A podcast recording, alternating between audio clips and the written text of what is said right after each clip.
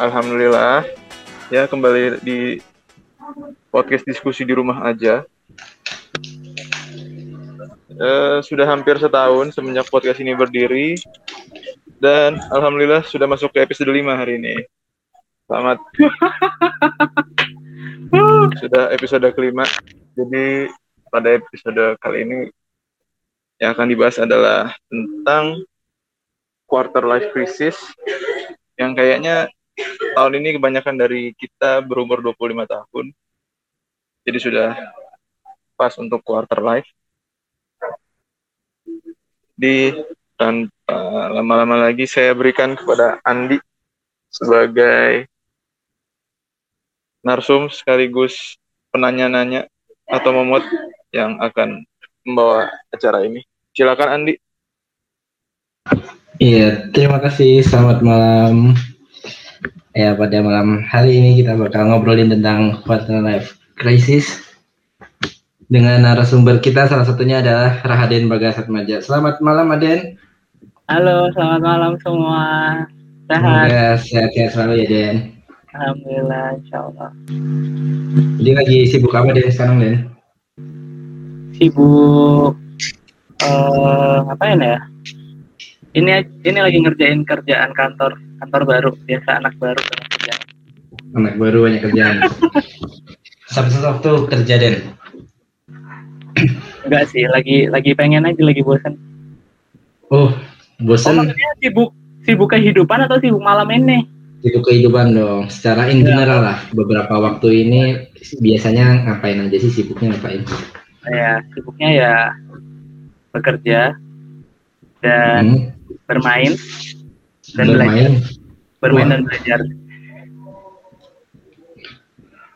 Kalau bisa dijelasin lagi kerja dari jam berapa? Pulang jam berapa bukan ya. baru perkenalan ya ya kan pengen tahu aja Aden tuh sibuknya ngapain sih berapa kan kita udah lama gak ketemu oh iya ya iya. Terakhir. Kalau waktu masih mahasiswa kan kita tahu lah kesibukan masing-masing. Kalau sekarang kan podcast ini bisa mewadainya. Hmm, iya. Yeah. Ya kan mbak ya aku kan baru masuk ini apa kantor baru nih mm -hmm. sebagai analis pemanfaatan teknologi di Pusat Sains dan Teknologi Atmosfer Lembaga Penerbangan dan Antariksa Nasional apa? Gokil. Ya masih baru dua bulan sih. Kegiatannya ya ya selayaknya seorang analis pemanfaatan teknologi. Mm-hmm. Ya ini analis ini kayak jabatan perantara sih sebelum ke peneliti, ke fungsional peneliti. Jadi ya kegiatannya kurang lebih penelitian baru dua bulan ya? Iya baru dua bulan kak. Ada ini nggak Den? Hmm, semacam culture shock antara sebelumnya dengan yang aktivitas rutinitas sekarang kan pasti ketemu dengan orang-orang baru nih. Ada cerita-cerita. Culture shock uh, mungkin kayak sebelumnya kan aku kerjanya di jadi asisten lepas di prodi kan. Hmm, jadi, bukan MTCRC apa itu?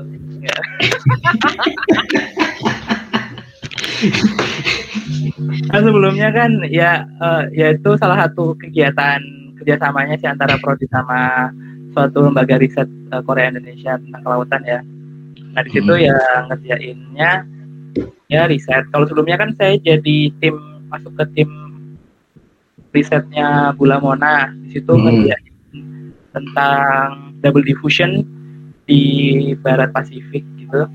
Hmm. Terus juga sempat bantu risetnya Bu Ivon, uh, riset tentang ini uh, edukasi mitigasi abrasi di Pangandaran sih. uh. di Pangandaran. Terus sama ada satu lagi uh, pengembangan sistem informasi marine debris sih sama Bu Ivon ini. Model dong tadi. enggak lebih ke sistem informasinya kayak web webnya gitu jadi di web itu menampilkan informasi-informasi penelitian tentang marine debris gitu terus Oh, Oke. sama ya satu lagi yang tadi itu yang PCRC itu jadi asistennya di bawahnya Bu Pak Hamzah tentang Hmm. operasional oceanografi gitu Berarti kalau sebelum di yang 8 ini kan kebanyakan bersinggungannya kan dengan dosen-dosen kita dulu ya. oh iya ya orang-orang orang-orang lama sih sebenarnya dan Pengalaman. dan Hmm. kerjanya emang load kerjanya walaupun tadi kesannya banyak banget ya dalam setahun, setahun lebih itu tapi tahun ya. cenderung lebih santai sih kayak nggak yang tiap hari ditagih atau gimana Oh gitu. jadi ya jadi kayak nyantai aja sih cuman yang sekarang ini karena emang eh, apa ya istilahnya ya tuh amanahnya itu jadi lebih lebih serius ya lebih karena lebih apa ya bukan kalau sebelumnya kan kayak freelance ya lebih lebih ke Nah. freelance gitu kalau sekarang lebih ya full time gitu jadi ya cukup banyak yang dikerjakan sih kebetulan di di PSTA singkatan dari itu Apa itu? teknologi atmosfer tadi di PSTA Apa? 8 Hmm. Eh, aku kan ke tergabung di kelompok penelitian ketahanan pangan dan kemaritiman nah itu dia lagi banyak riset tentang pengembangan eh, sistem pendukung keputusan Hmm. kemaritiman sama riset tentang upwelling. Di luar itu juga ada kegiatan Upwelling. diseminasi ya upwelling. Diseminasi. teman baik saya tentang upwelling. Oh iya iya, ada kemarin saya sempat mengontak teman baik Anda gitu tentang upwelling. Hmm. Sangat menarik. Iya, benar-benar. Ya sama Tapi ya, sama-sama kegiatan ya. diseminasi, eh, kegiatan selain riset juga ada eh, diseminasi kan kegiatan diseminasi kantor tuh kayak betul. eh, penyampaian hasil penelitian lah istilahnya. Di situ saya sekarang lagi sibuk bikin eh, eh benar diseminasi ini lebih ke pelayanan dan juga penyampaian hasil penelitian sih. Nah pelayanannya itu sekarang lagi bikin silabus buat kampus Merdeka. Jadi itu kayak Amin. kan di kampus Merdeka sekarang kan ada kebijakan buat magang 1 sampai 2 semester itu kan. Nah, itu sekarang BTW kampus Merdeka itu apa tuh? programnya ini Mas Menteri Mas Oh, Mendikbud kan itu yang magang di luar kampus satu semester lebih tuh satu sampai dua semester itu. Nah itu jadi eh, 8 PSA 8 sebagai salah satu tempat apa istilahnya? Jujukan jujukan mahasiswa magang. Tujuan. ya nah di situ eh, kita bikin silabusnya. Kayak selama satu semester apa yang mau disampaikan apa yang mau dikerjakan apa yang bisa dikerjakan oleh mahasiswa gitu. Jadi buat eh, teman-teman semua yang yang punya adik tingkat dan berminat di penelitian tentang atmosfer atau ya istilahnya atmosfer sih. Atau iklim perubahan iklim. Bisa hubungi saya gitu. Nanti bisa dihubungkan ke kantor. Oh ya sama satu lagi ini. Hmm. jadi saya sa- masuk ke tim variabilitas iklim PSTA di situ kami melakukan analisis tentang variabil- variabilitas iklim bulanan gitu nanti disampaikan ke website eh disampaikan ke masyarakat lewat media sosial dan website gitu. Jadi nanti kalau mama teman-teman tertarik bisa dicek websitenya PSTA psta.8.go.id ya. Ada IG-nya? IG-nya @psta8 bisa di Aden, admin? Enggak, bukan. Enggak. Oh, kirain admin IG. Cuman buzzer. Tapi dua-duanya sama-sama di Bandung ya, Den ya? Dua-duanya itu yang apa? Eh, baik yang di 8 maupun sekarang. Ah, baik yang Hah? di 8 maupun yang sebelumnya kan sama-sama Oh di Bandung. iya ya? iya, sebelumnya. Sebelumnya kan emang di di ITB kan. Ya Hmm. masih di Bandung lah. Ya alhamdulillahnya rezekinya masih di Bandung. Alhamdulillah ya. Ya, sudah nyaman. Tidak hanya masalah geografis tapi juga melibatkan perasaan. Jai, canda geografis. Nah, tapi ya itu ada yang beda nggak sih, Den? Ketika Oh iya iya.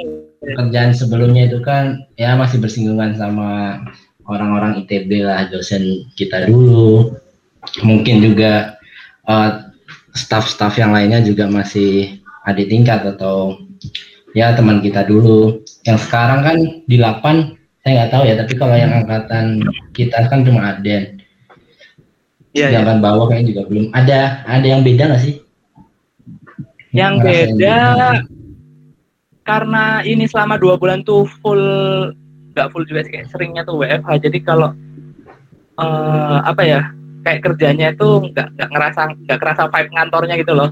Kerjanya oh, ya, gitu. ya sebenarnya nggak jauh beda sama sebelumnya kayak lebih nyantai. Cuman ya ada jadwal-jadwal meeting terus kayak kejaran-kejarannya juga eh, lebih lebih strict lah dibandingkan dulu. Kalau dulu itu kadang eh, kejarannya langsung di akhir gitu kan kayak Mm-mm. eh, di akhir tahun baru ditagih laporan apa segala macam. kalau gitu duitnya nggak turun ya Iya. Kalau yang sekarang alhamdulillah, alhamdulillah eh, bulanan gitu kan. Mm-mm. Jadi maksudnya eh, kerjanya itu jadi lebih lebih apa ya? Lebih dipacu, lebih cepat lah, lebih fast pace gitulah menurut aku. Dan lebih dinamis sih lebih dinamis yang mana dulu apa yang sekarang di sekarang dong. oh itu kan udah biasa dinamis mah Oh ya, alhamdulillah banget jadi iya eh, alumni oceanografi ITB yang tercinta itu. Tapi kalau di luar konteks teknis pekerjaan, maksudnya eh ya bekerja itu Orang-orangnya kan, gitu. ya betul. bekerja itu kan nggak nggak nggak bisa kita pungkiri pasti berhubungan dengan orang lain. Dari Aden sendiri, eh, ketika pertama ini kan masih dua bulan nih masih segar masih awal lah. Ada yang dirasakan berbeda nggak sih? berbeda mungkin lebih ke gap orang-orang gap apa ya gap apa istilahnya fase fase kerja gitu kayak ritme kerja orang-orangnya itu kerasa sih kayak di sini tuh ada yang eh, mageran banget ada yang ambis banget kayak gitu jadi ya tergantung ngikutnya ke mana sih jadi kayak eh, di Poklet tuh ada yang cukup ambis gitu kan. Mm-mm. jadi jadi dia kerjanya cepet kayak pak pak pak pak pak tak tak tak tak. Tapi ada juga yang slow kayak belum nih. Oh ya udah belum gitu. Ya harus iya ya gimana ya harus menyesuaikan menyesuaikan gitu. Jadi milih-milih nggak milih-milih ya kayak ya harus paham tiap orang sih kayak gimana pas ritme kerjanya gitu. Dan kalau bisa ya jalan dan juga ini sih gap gap Apa tuh? gap knowledge sih Waduh, teknis sekali ya dari tadi kita bahasnya. Gimana tuh? Gap knowledge gimana tuh gap knowledge? yang knowledge tuh kayak hmm, kan di poklit kemaritiman ini ada eh, yang basicnya maritim istilahnya kayak laut itu cuman sedikit kan Hmm. kebanyakan tuh eh, basicnya apa ya eh, lebih ke fisika gitu kan atau atmosfer yang atmosfer banget jadi yang yang bahas lautnya itu masih terbatas gitu kan Hmm. jadi ketika ada suatu topik riset ini kita nggak bisa cus langsung ke tujuan gitu. Jadi kita harus bar- eh, menyamakan dulu nih apa pandangannya tentang laut ini gimana gimana gimana gitu. Ada yang backgroundnya eh, informatika kayak gitu kan kita juga harus menyesuaikan gitu. Oke, menarik. Selain selain eh, gap gap knowledge gara-gara beda beda bidang, Ada jurusan beda Iya, beda jurusan beda bidang, pasti kan di yang tempat sekarang beda usia kan ya? Eh, oh usia ya. Kalau Iya masalah kan? usia sih. Nah, eh, dari segi yang ada yang rasain itu beda nggak sih? Eh, maksudnya ketika kita kerja, misalnya keduluan di eh, MTCRC nih, kerjanya kan Ah. bareng bareng Om, bareng Umar, Martin 2010, terus ada yang 2011, dan SD 2010. Ya masih-masih oh, eh, anak-anak OC masih sama lah 11-12 lah orang-orangnya Gu- eh, ngocol-ngocolnya juga masih sama. Sedangkan kalau yang dulunya lagi kan sama yang lebih senior-senior, buat ngajakin makan aja rasanya sungkan. Itu Hmm. ya. Nah kalau ada sendiri gimana? Yang dulunya kerja bareng dalam tanda kutip uh, lingkungan zona ITB terus sekarang berada di zona 8 which is pemerintahan ada yang beda nggak sih um, sosialisasi nah kalau bersosialisasi ya itu tadi balik lagi karena jarang WFH ya eh jarang WFO ya jadi seringnya ya ya ya apa lebih ke sosialisasi di dunia online gitu cuman kalau yang offline itu kadang yang tua-tua itu jarang ngantor. Oke. Jadi kalau kalau jadwalku ngantor gitu ya ya ya bergaul. Mereka nggak ngantor. Mereka ada yang ngantor tapi ya sendiri aja di ruangan gitu loh. Jadi nggak nggak yang hmm. kan orangnya sedikit kan jadi kita nggak malah apa ya malah ke ke di ruangan-ruangan sendiri gitu nggak nggak bareng-bareng ya karena covid sih jangan oh, jadi COVID, ya. ngobrol nggak ngobrol yang satu ruangan ramean gitu nggak Cuman kalau, kalau ngobrol kalau, tentang kerjaan pasti. Enggak juga sih. Kadang aku di luar itu ngobrol tapi paling yang gapnya nggak terlalu jauh kayak yang yang seangkatan. Ya paling tua paling angkatan 2009, 2010 gitulah. Yang apa kelahiran awal-awal 90-an itu kan belum terlalu jauh kan gapnya. Jadi kayak ngobrol santai biasa. Kalau yang ja, yang agak lebih tua sedikit, sedikit yang mungkin seumuran kayak dosen-dosen muda kita gitu yang kayak seumuran Bu Mona, Pak Ai gitu kan masih apa lebih kesannya tuh orang-orang apa anak-anak milenial gitu. Ya mereka mencoba untuk ada oh, ya mereka mencoba untuk beradaptasi dengan anak-anak milenial jadi asik gitu diajak ngobrol juga. Kalau yang boomer boomer itu aku jarang jarang ngobrol sih. Boomer. boomer apa tuh maksudnya yang yang udah tua tuh yang seumuran orang tua kita gitu yang umur ah. 60-an 70 itu tuh jarang ngobrol sih cuman kebanyakan ya memang karena udah sepuh gitu jadi uh, ada yang mengandalkan yang muda-muda itu buat kerja kayak gitu sih. Jadi kita menghormati aja.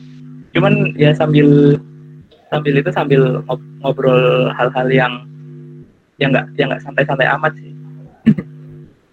aku kan aku kan introvert jadi aku jarang ngobrol jarang jarang memulai obrolan sih. oh gitu. Iya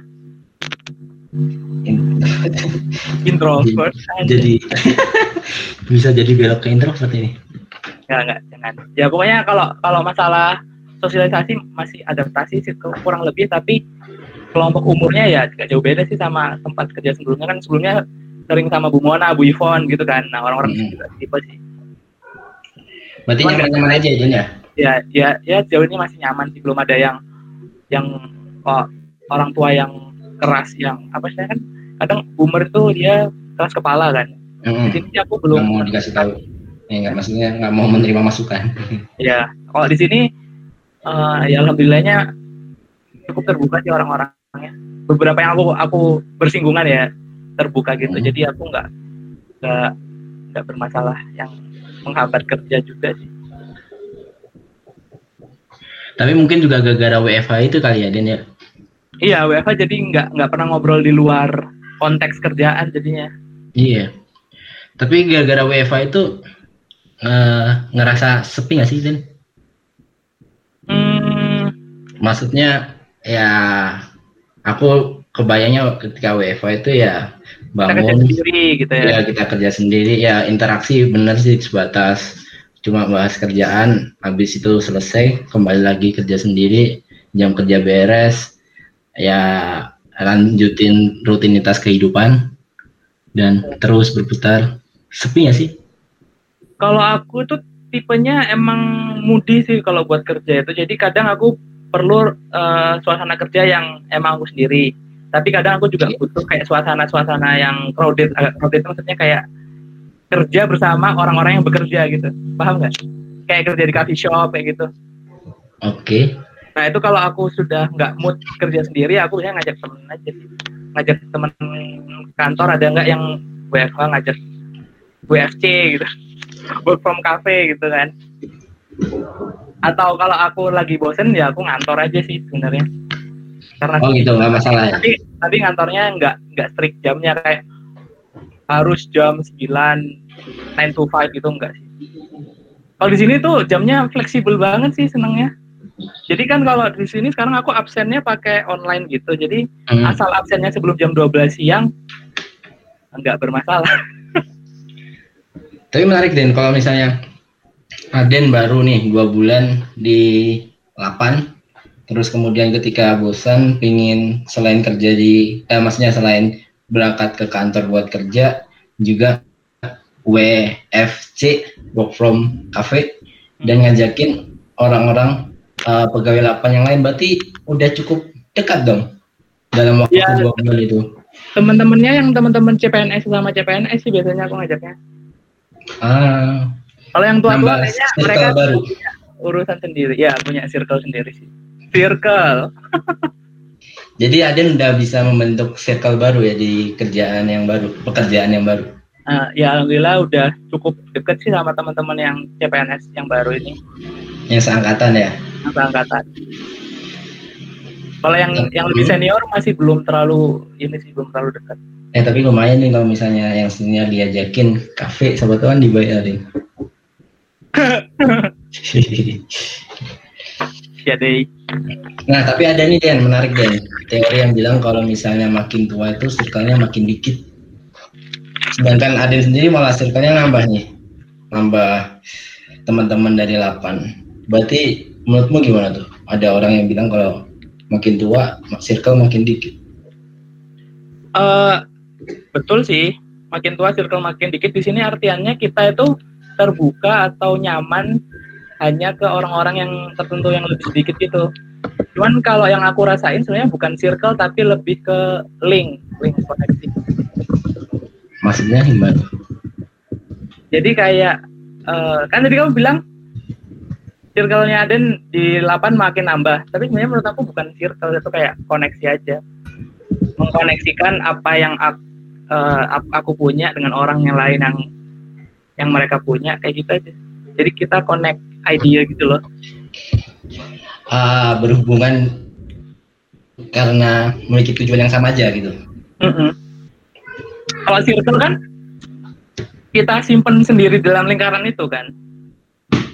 Nah, Kalau di sini aku nggak nggak merasakan circle yang berkubu-kubu gitu enggak. Berarti circlemu juga berkurang makin tua. Ngerasa Bisa itu. dibilang, Oke. bisa dibilang.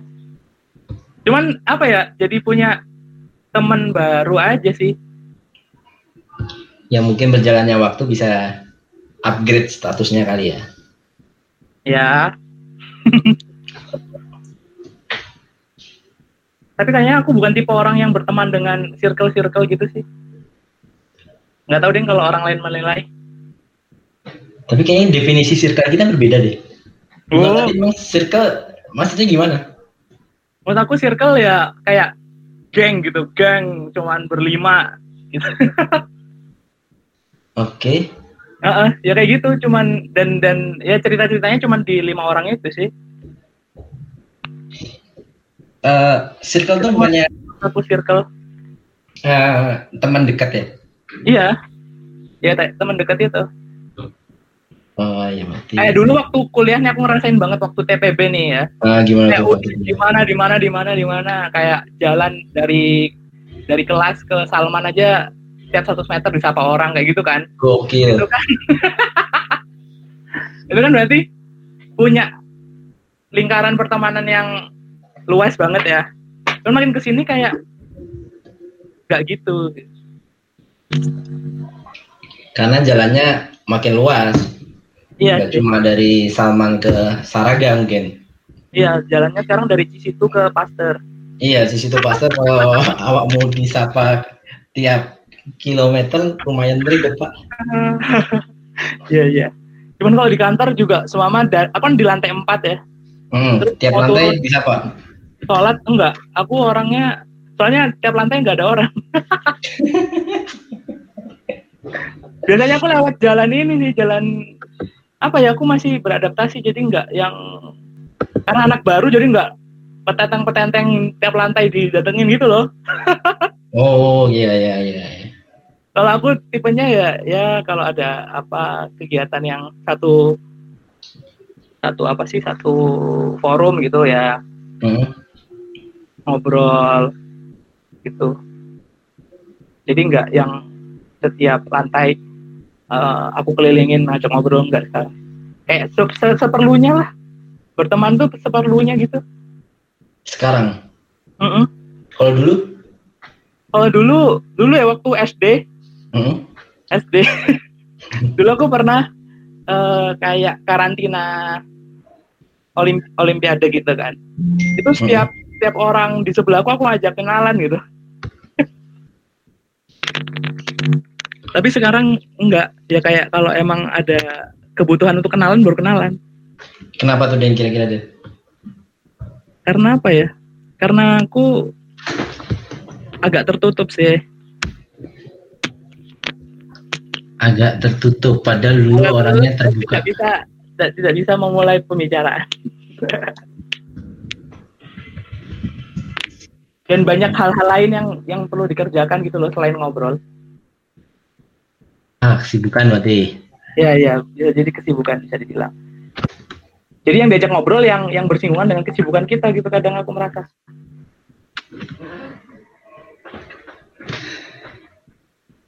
Oke. Oke, oke. ini bridgingnya gimana sih Kureng, Andi kureng. kalau masalah circle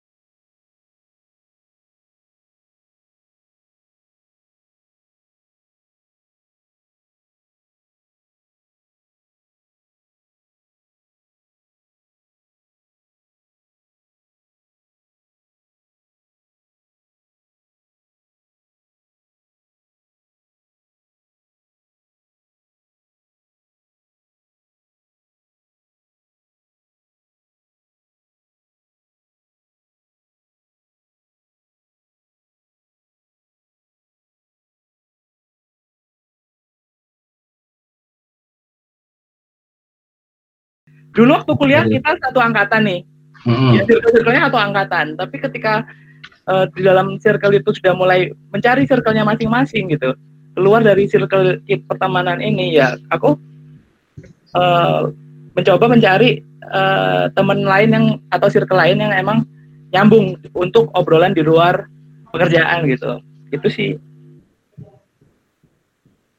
tapi itu itu pembentukan circle itu kadang butuh proses nggak bisa langsung kayak aku langsung di lapan langsung bikin circle sendiri enggak kayak aku kenal kenalan dulu sama beberapa orang yang emang bersinggungan dengan pekerjaan terus ada satu momen kita lagi ngumpul di luar kerjaan ya ngobrolin hal-hal lain gitu sih.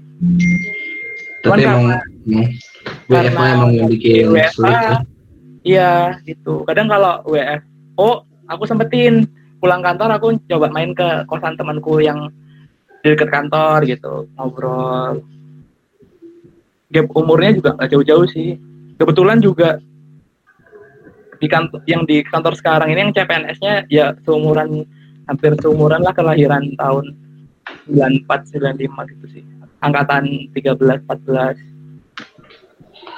Tapi menarik sih Den, misalnya nggak tahu ya, mungkin dari kalau aku setuju sama eh, dirimu yang maksudnya dulu mungkin bisa bergaul dengan banyak orang, semudah itu untuk memulai percakapan, tapi sekarang jadinya lebih tertutup.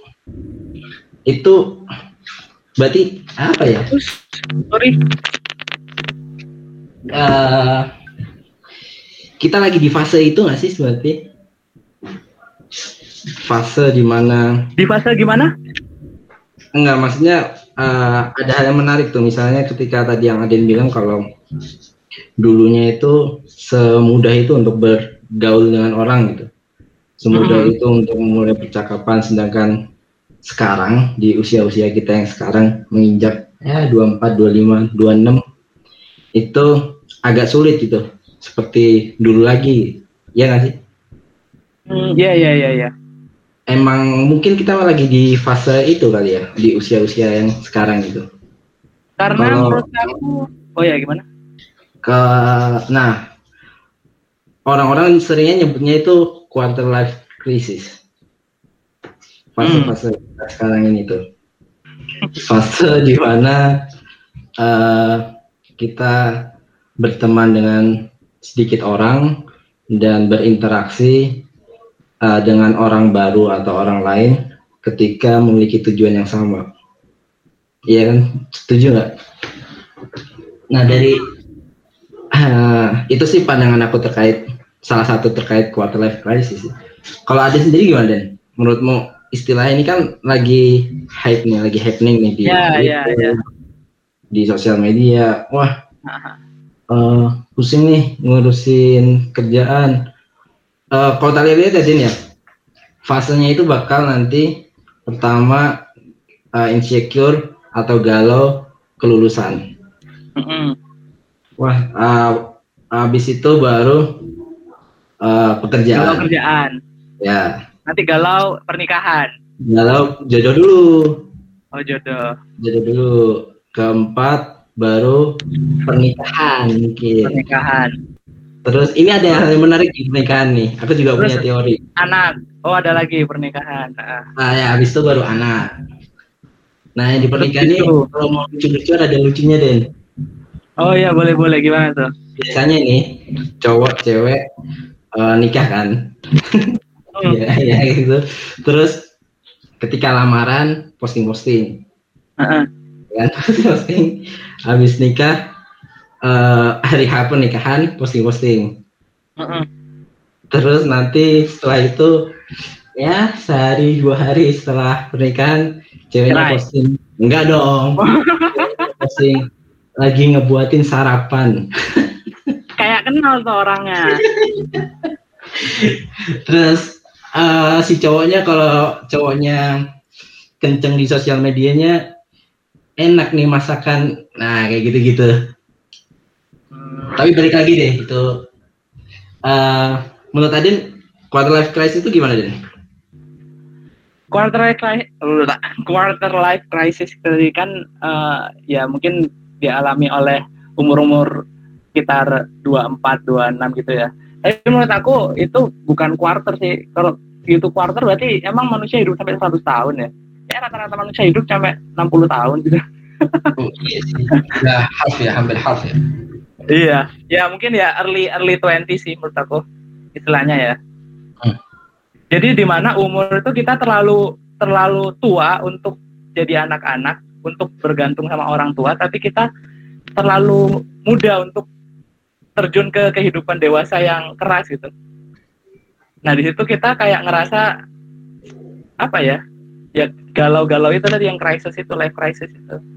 Kayak gue mau mau lepas nih dari uh, orang tua, tapi gue nggak belum cukup siap nih buat lepas kayak gitu. Itu sih quarter life quarter life crisis. Terus ketika kita merasa kesepian, circle kita berkurang, itu balik lagi tuh kita makin dewasa, uh, prioritas kita kan udah nggak bisa hanya ke diri kita kan. Kadang prioritasnya itu juga ke orang lain gitu. Apalagi kalau selama udah lulus, nanti uh, ya mungkin nanti awal-awal nih waktu kita masuk kuliah masih kayak remaja gitu ya temennya banyak. Ya. terus lagi. lulus lulus teman-temannya ya udah pada lulus udah pada bahkan sebelum lulus udah TA itu udah TA masing-masing gitu. Lulus juga kerja udah pergi ke ya mereka memilih jalannya masing-masing gitu kan. Ya satu sisi kita kadang merasa uh, left behind gitu untuk beberapa Ya. orang merasa left behind yang yang mungkin yang telat lulus atau lulus tapi nggak dapat kerja kerja. Itu kan kita ngerasa left behind. Apalagi yang atau stuck aja di satu posisi kayak di situ-situ aja. Itu kan kita jadi ngerasa left behind. Nah perasaan left behind itu menurut menurut aku itu datangnya karena kita membandingkan hidup kita ke orang lain gitu kan. Kayak kita yang awalnya satu lingkaran kita punya satu apa istilahnya satu satu apa ya satu interest terus dia udah ketika kit- ketika orang satu circle itu keluar dia kan punya interest lain nah secara Iya. nggak langsung kita kadang membandingkan interest kita ke orang dengan orang lain gitu Itu padahal salah ya harusnya ya. Padahal Menurut kan Anda? ya ya nggak bisa gitu kayak ya semua orang punya waktunya masing-masing kan kan every flower blooms in different period gitu kayak ya contohnya bunga sakura itu setahun kan dia cuma mekar sekali tapi dia ditunggu kayak gitu loh ya kapan kita ya tinggal tunggu waktunya aja kapan kita waktunya kita mekar gitu dibandingkan dengan bunga-bunga lain mungkin yang mekarnya tiap hari gitu atau di kampus kan ada bunga yang mekarnya cuman pas tengah semester Pas. ada yang punya awal semester Ya benar-benar. Ya, benar. ya, setiap setiap bunga itu ya punya waktunya sendiri untuk show up gitu, show up mekarnya dia Kalau sebelum mekar udah dipotong baru berabe. It- ya ya quarter life crisis menurut aku itu sih ketika kita perasaan itu datang ya dari karena kita membandingkan hidup kita ke orang lain Berarti ketika kita tidak membandingkan hidup kita dengan orang lain, kita nggak akan mengalami krisis ini deh. Sesimpel itu. Bukan Iya, karena aku begitu. usia atau enggak ah, biologis. ah enggak sih hal biologis itu apa hormon gitu Eh, who knows? mungkin ya karena ya mungkin hormon bisa kita jadi lebih sensitif kan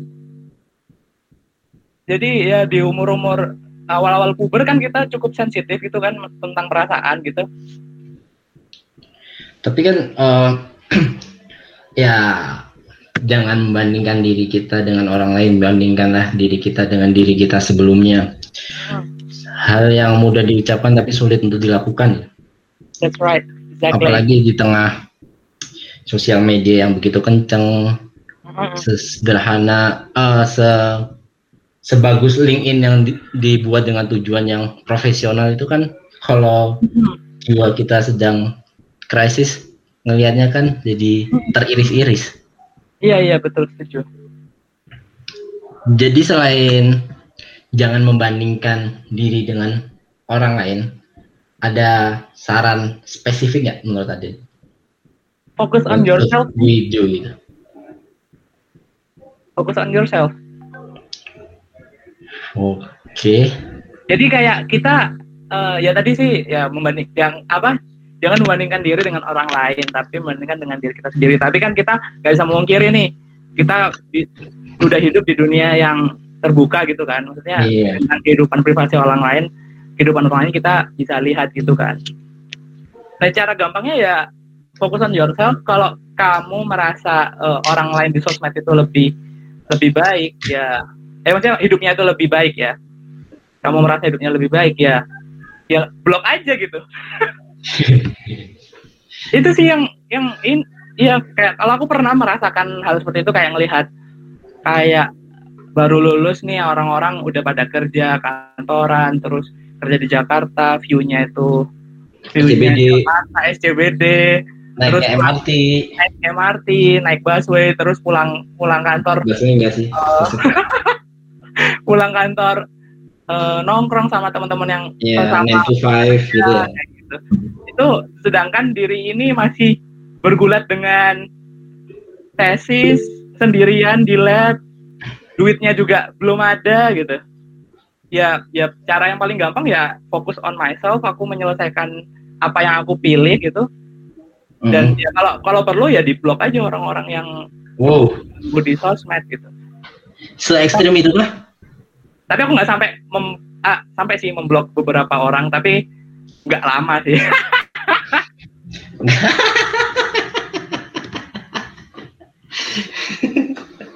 Demi kesehatan mentalmu ya. Yes, yes, yes, yes. Ya benar-benar. Karena karena diri apa diri kita yang lebih memahami kita gitu. Paham gak sih? iya. Jadi jangan jangan eh, apa ya? Kadang egois itu perlu sih, tapi ya seperlunya gitu. Tapi eh, hal-hal yang ya sempat kita obrolin beberapa menit yang lalu itu sering digodok media Den untuk dijadikan sebuah motivasi. gitu. Bungkusnya itu motivasi. Jadi oh, kayak kita- lagi adalah ketika itu udah dibungkus media jadi sebuah motivasi dan itu adalah eh, semacam dibung eh, dibumbui lagi oleh masyarakat Eh, kamu tuh harus bisa berada di level yang seperti itu juga gitu. Hmm, ya, ya, ya, kayak CEO di usia iya. 23 tahun, weh. terus tetanggamu ngomong tetangga- tetanggamu ngomong loh awakmu kayak iso kaya ngono ta? Hmm, anak anak anak ITB kan pinter-pinter. Ya, Nah, ya. anak S2 eh jenius-jenius. Labeling kayak gitu parah gak sih? Hmm, itu yang yang yang memperparah di apa quarter life crisis setiap orang ya omongan orang lain kan.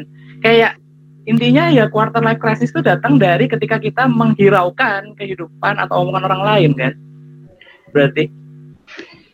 Ya kalau dari yang bisa aku simpulkan dari yang omong sih Hmm. itu sesederhana itu. Iya dan dan ya solusinya ya ya tapi kita berada di suatu lingkungan atau suatu sistem yang untuk melakukan itu tuh tidak mudah. Melakukan itu itu maksudnya fokus on yourself gitu? Ya fokus on yourself tidak membandingkan diri dengan orang lain. Eh di mana HP itu sangat mudah untuk melihat pencapaian orang lain. Kemudian eh oke lah saya tinggalkan HP ngobrol sama orang tua. Orang tua Ah. ngobrol eh Andi teman kamu sih ini udah jadi ini ya? Kan seperti itu kan sedikit menggelitik menggelitik aduh apa yang salah ya sama saya ya? Iya ya. Gimana ya? Ya ya Tuhan tuh menciptakan dua tangan itu ya buat nutup kuping kita aja sih. Atau kan kita nggak mungkin bisa menutup mulut semua orang dengan dua tangan kita ya ya Iya. atau enggak dua tangan buat baku hantam boleh lah. Atau enggak buat ngeblok aja cara Aden ya? Ah iya betul. Betul itu betul. cuma butuh satu jempol sih sama koneksi internet. Nah iya. Maksudnya gini eh, kesehatan kita tuh lebih penting loh dibandingkan dengan perasaan orang lain. Kan mungkin gini ya aku ngeblok Andi gitu tapi aku berusaha nggak menye- nggak nggak apa? Nggak sampai aku tahu ya nggak sampai kamu tahu sampai aku unblock tiba-tiba tahu gitu. Nah itu ya ya buat diri oh aku kalau sendiri. unblock itu baru baru ada notifnya ya? Nggak tahu sih. Nggak nggak juga sih. Kayak maksudnya kayak aku ketika suatu ketika nih Andi tiba-tiba menghubungi aku gitu. Kadang nggak bisa. Kenapa nggak ada gitu ya? kan- Dicari. ah jangan-jangan aing di blok nih kayak gitu kan. Nah mengantisipasi gimana apa ya buat menyiapkan diri aja sih menguatkan diri gitu loh sampai kita siap untuk menerima ya teman kita eh, udah dalam tanda kutip sukses dalam eh, benchmark it- benchmark apa ya orang-orang gitu kali ya gitulah Tapi eh, oke dari diri kita oke lah Eh, fokus pada diri kita sendiri. Kemudian cara terekstrimnya adalah ngeblok orang yang dianggap. Mengganggu toksik lah, mengganggu kesehatan mental kita. Mhm. Eh, kenapa kita nggak coba untuk melihat dari sisi satunya lagi gitu? Dari sisi orang yang kita anggap toksik gitu. Ah. Misalnya kita ada toksiknya.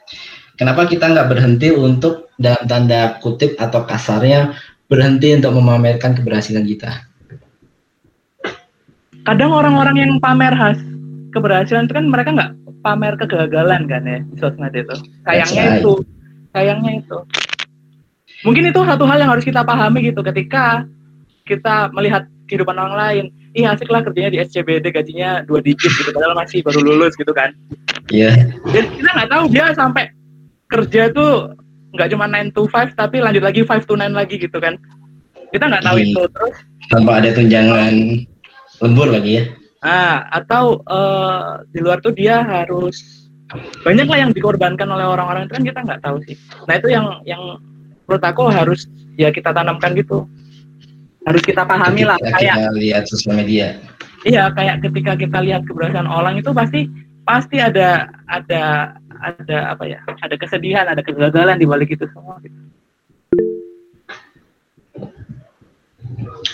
Menarik, menarik, menarik. Jadi ya, Apalagi ya yang ketika, baru- ketika kita sedih ya kita kan nggak akan posting sedih kita kan mungkin ada beberapa orang yang posting beberapa orang ya. beban or, beban kerja dia gitu. Tapi ya beberapa orang juga nggak posting dia dia apa? Dia lagi susah. Pasti yang diposting di LinkedIn memang ada dia posting apa? Gagal gagal gagal apa sih? Selama dia mau jadi PNS gitu. Terus dia gagal kan dia nggak akan diposting juga kan? Atau dia kerja sampai lembur sampai apa? Negatifnya di kerjaan itu di sebagai CEO gitu kira-kira. Dia kan nggak nggak Hmm. juga. Dia akan share. Tapi kalau itu diposting menarik ya sih Den? Uh, Itu ya balik ke, uh, ke preferensi masing-masing ya. Kadang Iya, ada orang iya. yang nggak mau menunjukkan ke vulner- vulner- vulnerability-nya dia gitu. enggak, maksudku enggak. Hmm. Bagus gitu. Maksudku nggak posting lah ketika oke lah kalau ketika berada di atas awan, tapi untuk meraih ke sananya istilah Jawanya bu ya diposting juga gitu. Ya itu balik lagi ke orang sih. Kita nggak bisa ngasih tahu ke orang-orang itu kan ya. Iya sih. Ya itu Kalau dari balik lagi ke diri kita gitu. Kita jangan terlalu fokus ke keberhasilan dia. Kita juga harus paham pasti ada kegagalan di situ. Dan kita ya juga harus ya saling maklum lah kalau kita mungkin sekarang posisinya lagi di bawah ya pasti suatu saat kita akan ke atas kalau kita mau mau naik ya. Kalau kita hanya kita quarter life crisis kan kita kadang cuman meng, apa ya me- mengasihani apa atau kayak insecure ya insecure ke diri kita sendiri tanpa kita bersyukur gitu. tanpa kita bersyukur dan do nothing gitu ya. Iya. Yes, yes.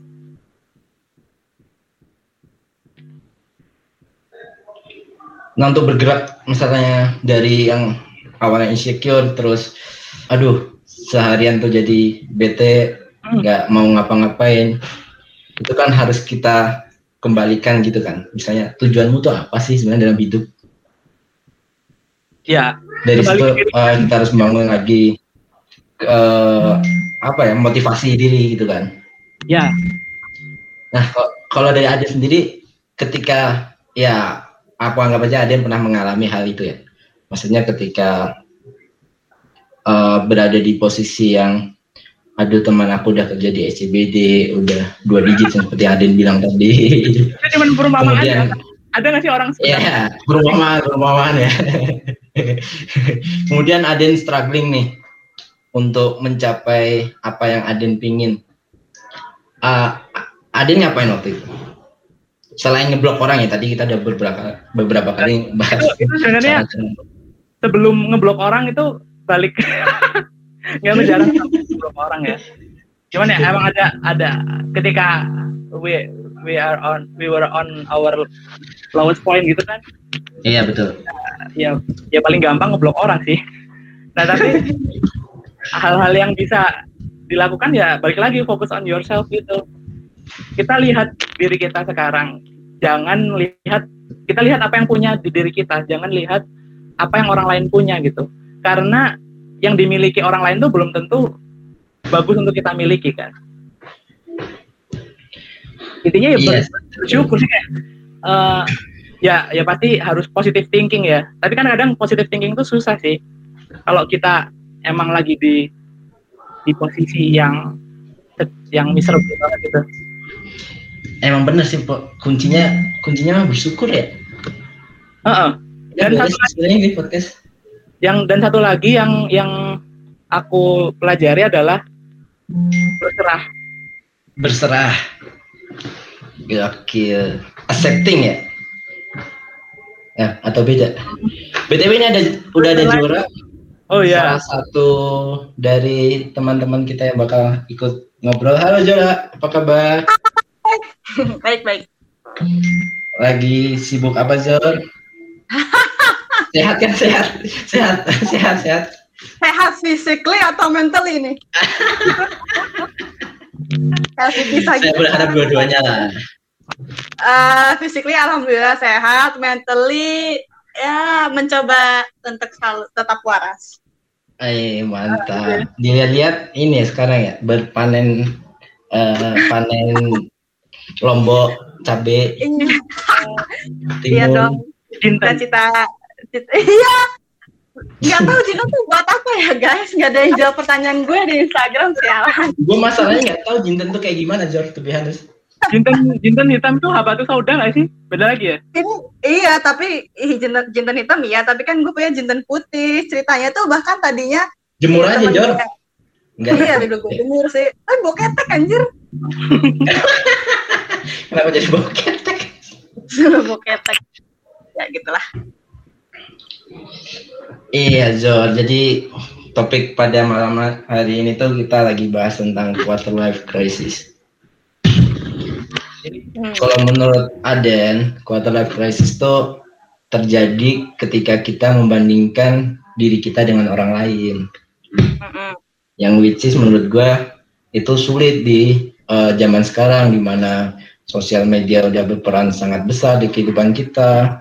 Udah kita berusaha untuk meninggalkan sosial media, masyarakat eh, punya benchmark tersendiri terhadap kesuksesan seseorang yang biasanya diambil dari benchmark kesuksesan orang lain, misalnya teman kita gitu. Sedang menurut Jora sendiri kayak gimana sih quarter life crisis itu? Um, gue sih dari dulu kan sebelum memasuki quarter life crisis, nggak sih gue kayak quarter life crisis sudah dari umur. Lulus tuh kita umur berapa ya? Eh, tujuh tahun? lulus. lulus. Ya, Ya, udah dari umur dua umur dua-duaan lah udah merasakan quarter life crisis. Tapi ya kan semua orang selalu bilang ya udah nggak usah eh, udah nggak usah bandingin hidup sama orang lain gitu gitu kan. Jadi Hmm. kalau untuk masalah gue sih kalau untuk masalah kebandingin diri sama orang lain ya udah mulai ke kontrol walaupun masih masih kadang masih ganggu juga. Tapi yang gue rasain sih lebih ke ke justru battle-nya itu lebih berat ke diri sendiri sih. Kayak kadang lu punya harapan buat diri sendiri tapi kenyataannya kayak gini. Dan eh, yang paling berat lagi yang menurut gue pribadi tuh nggak tahu kenapa eh, di umur-umur sekarang tuh kayak banyak banget ketakutan-ketakutan yang mulai muncul gitu loh dari ketakutan lama yang lalu gue hindarin akhirnya harus gue hadapin sekarang sama ketakutan-ketakutan masa depan lagi gitu. Jadi kompleks jadi dari luar ada peer pressure-nya ada dari dalam juga ada. Makanya agak menyedihkan guys Tapi rasanya Terus, waktu masih SD, kayaknya kita nggak mikir ke depan deh. SD, Waktu SMP. kuliah juga nggak mikir Iya. Iya. makanya gue makanya gue bego kalau gue mikir ke depan gue bakal pinter Nah itu kenapa ya? Maksudnya kenapa ketika ya mungkin ya sederhananya proses pendewasaan sih. Tapi uh, I mean ketika kuliah kan seharusnya kita juga sudah cukup dewasa lah. Uh, ya tapi kenapa perbedaannya cukup jauh antara ketika kuliah yang dan tanda kutip tidak mikir masa depan, kemudian setelah lulus langsung pusing gara-gara mikir masa depan. Kalau menurut Zura kenapa tuh? Hal apa yang buat beda? apa ya menurut gue sih lebih ke basi sih tapi ke lingkungan sih horizonnya dulu tuh kita kan sama ya se kehidupannya ini enggak sih? Kalau gue sih ngerasa dulu kehidupan gue tuh sempit kan cuman sebatas kuliah sama himpunan gitu doang. Dan rata-rata kan di situ Himpunan. orang-orangnya pemikiran apa itu himpunan? Ya rata-rata kan orang-orangnya kan pemikirannya masih masih sama lah. Terus Iya, begitu begitu keluar lingkungan itu baru sadar kalau ternyata dunia tuh ternyata luas banget gitu. Dan dan ya makanya kan kebanyakan anak kuliah tuh arogan kayak udah ngerti semuanya ngerasa paling benar gitu kan ya karena karena kita nggak tahu. Kayak kita nggak tahu apa apa kita nggak kebayang terus begitu eh, kebuka dikit celahnya begitu kita lulus kan langsung oh ternyata banyak banget hal-hal yang kita nggak tahu dan kita tiba-tiba ngerasa kecil kayak gitu. Dan ya ya tumbuh dewasa sih. Nah, kalau Aden cara salah satu caranya dengan ngeblok orang sih tadi bilangnya. Oh iya iya sama gue juga ngeblok orang banyak banget orang yang gue blok Oh, Demi demi kesehatan mental Zora. Kalau Zora Iya. apa? Betul juga. Iya, gue juga gitu sih kalau kalau masalah ke ke luar gitu ya ke ke teman-teman gue tuh kan apalagi macam-macam banget ya yang suka ngepost. Enggak, gue gak nyalahin, cuman kayak eh, orang-orang yang suka ngepost eh, kondisi lingkungan habis hujan di gedung bertingkat kayak gitu kan Gokil. Agak bikin eh, gimana gitu ya. Sedangkan ya mungkin jalan yang kita pilih beda gitu dengan dengan dengan tangga yang mereka mereka panjat kan. Ya mungkin kondisinya ya banyak lah beda-beda kan segala yang dialami setiap orang tuh. Tapi kadang kan ya pasti jadi ngebandingin sih. Jadi pengen, Iya. pengen deh eh, apa namanya kerja nih beneran loh gue pernah ngerasa pengen deh gue kerja di gedung yang ada liftnya udah sebatas sebatas itu doang gitu cita-cita gue tapi itu bikin stres banget kayak gedungnya ada lift itu kan berarti perusahaan yang bonafit banget ya ya yang lantainya sampai ratusan. 20-an. iya betul ya di SJB di SJBD lah Iya tadi. Singgung lagi sih. SJBD tuh kenapa ya ya apalagi kalau misalnya dulu dulu gue ngantor kan naik KRL tuh terus eh, Itu lihat zaman Aden loh dulu. Eh lihat koko-koko pakai batik ngepres terus sepatu pentapelanci Pakai jas, pakai jas. enggak tas tumi terus eh lanyardnya coach gitu ya. Oh. Apa dia tuh bisa kayak gitu? Yang normal sih kata gue. Gue cuma pengen kerja yang punya ID card yang dikalungin itu loh, Jor. Kalau misalnya iya. Iya. Terus ada ada gitu kan gitu. Iya emang Terus terus talinya ada tulisannya gitu nanti. Iya, perusahaan. biasanya Shopee gitu gitu. kan Astra gitu Ijo-ijo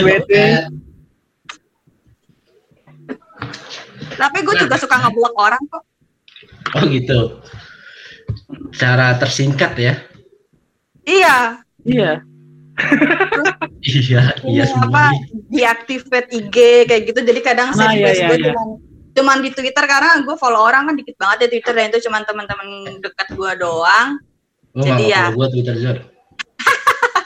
Iya blok. Oh,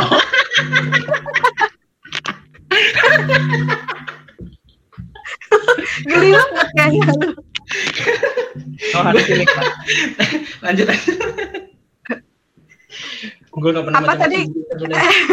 Kiat-kiat ya oh kiatnya ini sih Hmm. lu lu tahu ini nggak sih lu tahu aplikasi Oke. The Pattern nggak The pattern iya itu aplikasi kayak ajaib banget game. kayak ini Ge- eh, nggak bukan game ya?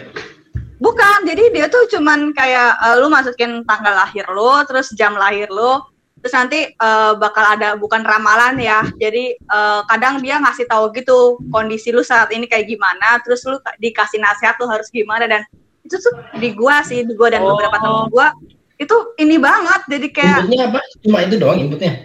Hotman. Iya, tapi jadinya lu ngerasa tervalidasi gitu loh apa yang lu rasakan sekarang. Karena gue misalnya lagi Bedanya sama zodiak ya? itu ah, tapi iya, istilahnya kayak siklus apa ya ada gitu kayak beberapa hari tertentu kita bisa sensitif banget gitu kan ah, iya itu itu lu itu Iya, iya, iya. menyenangkan. Dan dan di situ sih eh, ya itu cara copingnya dengan baca itu kadang lu ngerasa oh ternyata gue normal rasa kayak gini gitu. Oh, berarti menurut lo ketika kita berada di quarter life crisis tuh hal yang normal ya sebenarnya ya di usia-usia kita sekarang. Normal sih kata gue. Normal banget gak sih? normal normal kayak dari dari grassroots macam gua sampai Putri Tanjung pasti semuanya ngerasakan quarter life crisis kan. Heeh. Elon Oh, Musk dia, pasti dia juga punya merasakan. nama belakangnya yang berat Zor. Iya benar.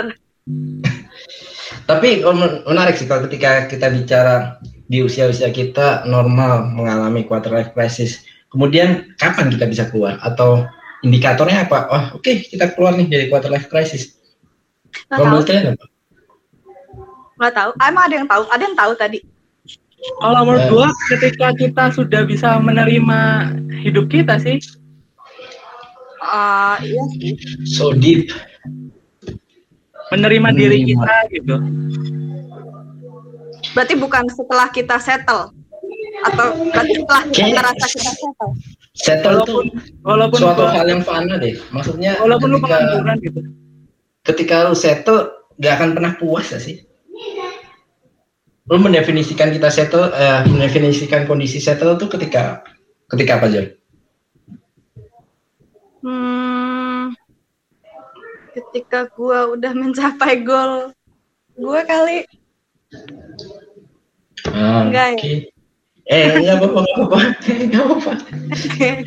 Karena Gua gue pandangan gue eh, ingin mencapai settle tapi ketika siapa tahu kondisi kita sekarang ada kondisi yang settle tapi kitanya nggak nggak nggak memahami nggak nggak accepting kayak yang tadi Adin bilang. Bisa jadi. Mungkin ad- ada yang tadi bilangnya ketika apa?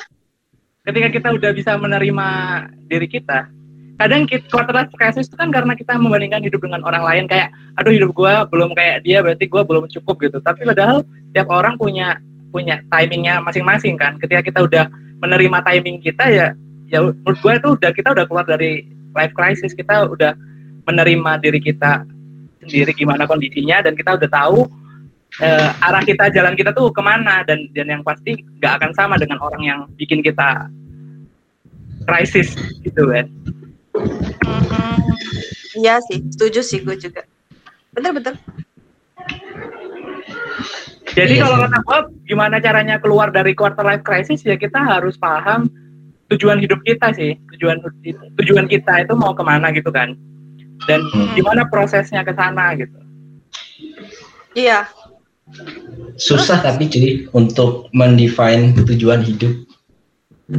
Emang tujuan hidup itu gimana sih? Maksudnya tuh Eh misal gue gue nangkepnya kalau dulu gampang karena misalnya ketika mahasiswa gue kelas make Pak Dadang yang penting gue bisa lulus ketika gue TA Pak Toto yang penting Pak eh, tiap Sabtu gue bisa presentasi. Walaupun tuh pakai presentasi minggu lalu kemudian gue bisa lulus oke. Tapi ketika sudah semua seperti yang Zora bilang terlalu luas, terlalu abstrak dunia ini, gimana tujuan hidup? How to define tujuan menurut gue saat kita udah merasa puas dengan diri sendiri kalian gue nggak tahu sih ini maksudnya bakal beda atau enggak sama yang Aden tapi kadang kan uh, ya saat kita udah ngerasa apa ya nggak malu ya nggak malu sama kondisi kita kayak kita udah bisa ngejalanin apa yang kita mau kan. Apa yang kita mau mungkin nggak bikin nggak menghasilkan banyak uang nggak apa-apa. Apa yang kita mau mungkin nggak make sense buat banyak orang ya nggak apa-apa. Tapi asal kita ngerasa itu apa ya um, authentic to ourselves kata Hmm. gue itu kita udah keluar gitu Tapi how untuk ngedefine tujuan hidup kita agar bisa itu keluar balik dari balik lagi ke dalam diri kita sih. Kadang kita itu terlalu sibuk ya, terlalu sibuk membandingkan hidup dengan orang lain. ya. Jadi kita, tapi kita jadi nggak sempat gitu ngobrol sama diri sendiri kayak gue ini siapa sih? Gitu. Kayak gue tuh ngapain sih di sini kayak gitu tuh justru menurut gua krisis yang sebenarnya itu bukan kita lo eh, iya kita ngebandingin diri sama orang iya tapi gimana kita upaya berkomunikasi sama diri sendiri kayak kita berkonfrontasi sama sama pribadi kita sendiri tentang kita tuh sebenarnya gue tuh sebenarnya maunya apa gitu karena gue pikir kalau kita udah punya tujuan yang jelas kalau kita udah tahu eh, quest kita tuh mau mau nyari apa gitu dalam hidup Hmm. ya mungkin naturally kita bakal berhenti ngebandingin diri kita sama yang lain karena kita udah sadar uh, path kita tuh yang kita mau tuh kayak gini loh gitu. Mungkin sekarang karena kita sendiri banyak banyak gak sih teman-teman lo yang umur segini tuh kayak gue tuh nggak tahu sebenarnya mau ngapain, gue nggak tahu apa yang gue suka gitu. Makanya kita jadi kayak ngeliat "Oh, orang-orang tuh sukanya apa sih gitu. Kita bakal bakal jadi ngelihat ke yang lain. Nah di situ juga mulai ada pressure dari orang-orang lain. Itu gara-gara kita ngelihat standar orang lain yang beda. Kok umur segini mereka udah kayak gitu. Kayak gitu. ini Tapi tujuan tuh kondangan ya ya. Ada apa nih? gue dengar suara orang kondangan Juara lagi di dekat kenangan. Biasalah. Malam minggu. oh my god Jadi kita di mana nih? Ibu-ibu, ibu-ibu kami. sampai mana tadi kita Memang Oh, sampai tujuan hidup. Ah, Jadi eh tapi ada menurut kalian ada korelasinya nggak tujuan hidup dengan profesi? Apakah harus tujuan hidup Oh, itu sederhana? Eh, Oke, saya saya pengen kerja di food group. wow That's my goals misalnya kayak gitu. Apakah sesederhana itu? Apakah se serumit atau sederhana? Oke, tujuan hidup saya ingin bermanfaat bagi orang sekitar. Menurut kalian ada korelasi nggak sih tujuan hidup dengan profesi? Ada Dari sih. Zora. Menurut gua ada sih. eh jadi gini. Eh, gue kan anaknya zodiak banget ya. Gue tuh Pisces Oh, ya. iya. lu pindah Oh, Pisces. Iya. Pisces itu Ah, Pisces itu berarti September ya? nggak Maret gila. Gue tahun. Ah, Iya, jadi kalau Iya, jadi kalau gue tuh sebenarnya dari dulu nggak setuju sama kayak gue pokoknya umur 30 udah mau masuk eh, Forbes di 30 orang apa berapa orang in- eh, most influential people eh, under Umur. berapa umur berapa anda kayak seperti anjay Ah, atau enggak udah jadi si CEO di mana gitu. Gue lebih suka nge-set goals gue tuh lebih ke gue umur 30 udah mau ngapain, gue udah mau nolong berapa, uh, nolong apa, gue udah pengen pengen jadi orang yang lebih sabar, artinya lebih ke arah yang kualitatif gitu. Nah, tapi eh, untuk gue bisa, misalnya umur 30 gue udah pengen bisa nolong orang ini ini ini gitu, nolong banyak orang. Nah itu gue kalau gue pribadi ya, gue tarik lagi dengan untuk gue bisa ngelakuin ini tuh, gue harus gue harus kerja apa sih gitu sih jadi ya sedikit banyak berpengaruh tapi nggak nggak bener-bener nggak bener-bener tentang jabatan dan posisi sih Minor ya berarti ya? iya Aden? sama sih sebenarnya masalah tujuan hidup itu kan dia uni apa ya kayak universal sih. Kayak tu- tujuan hidup dengan profesi itu menurut gua eh, bisa dibilang korelasi tapi juga nggak nggak nggak nggak tujuan hidup itu profesi gitu. Nggak kayak sama tujuan hidup gue jadi eh, PNS gitu kan? Enggak ya tapi pro- profesi itu suatu suatu tools atau suatu step buat kita mencapai tujuan gitu loh Mm-mm. kalau profesi kan bisa dibilang uh, what your apa lu apa yang lu kuasai gitu kan what your what you are good at gitu Seda- dan Ya. juga lu dibayar dengan uh, dari kemampuan lu itu itu kan profesi gitu Hmm. nah untuk tujuan hidup itu kan nggak nggak cukup hanya itu hanya itu saja gitu kan tapi juga ada uh, kayak uh, lingkaran lainnya gitu Ikigai. Nah, ya, Ikigai. ya kayak ikigai itu tuh dia kan punya empat empat empat poin ya Ya, what you love, what you what what the what work, people need. what you can be paid for, terus what you are good at gitu kan. Ya.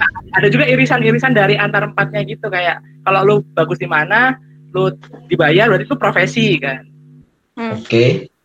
terus uh, lu bagus uh, lu apa yang lu cintai terus lu menguasai itu kan berarti passion. Kayak lu passionnya di main bola gitu kan.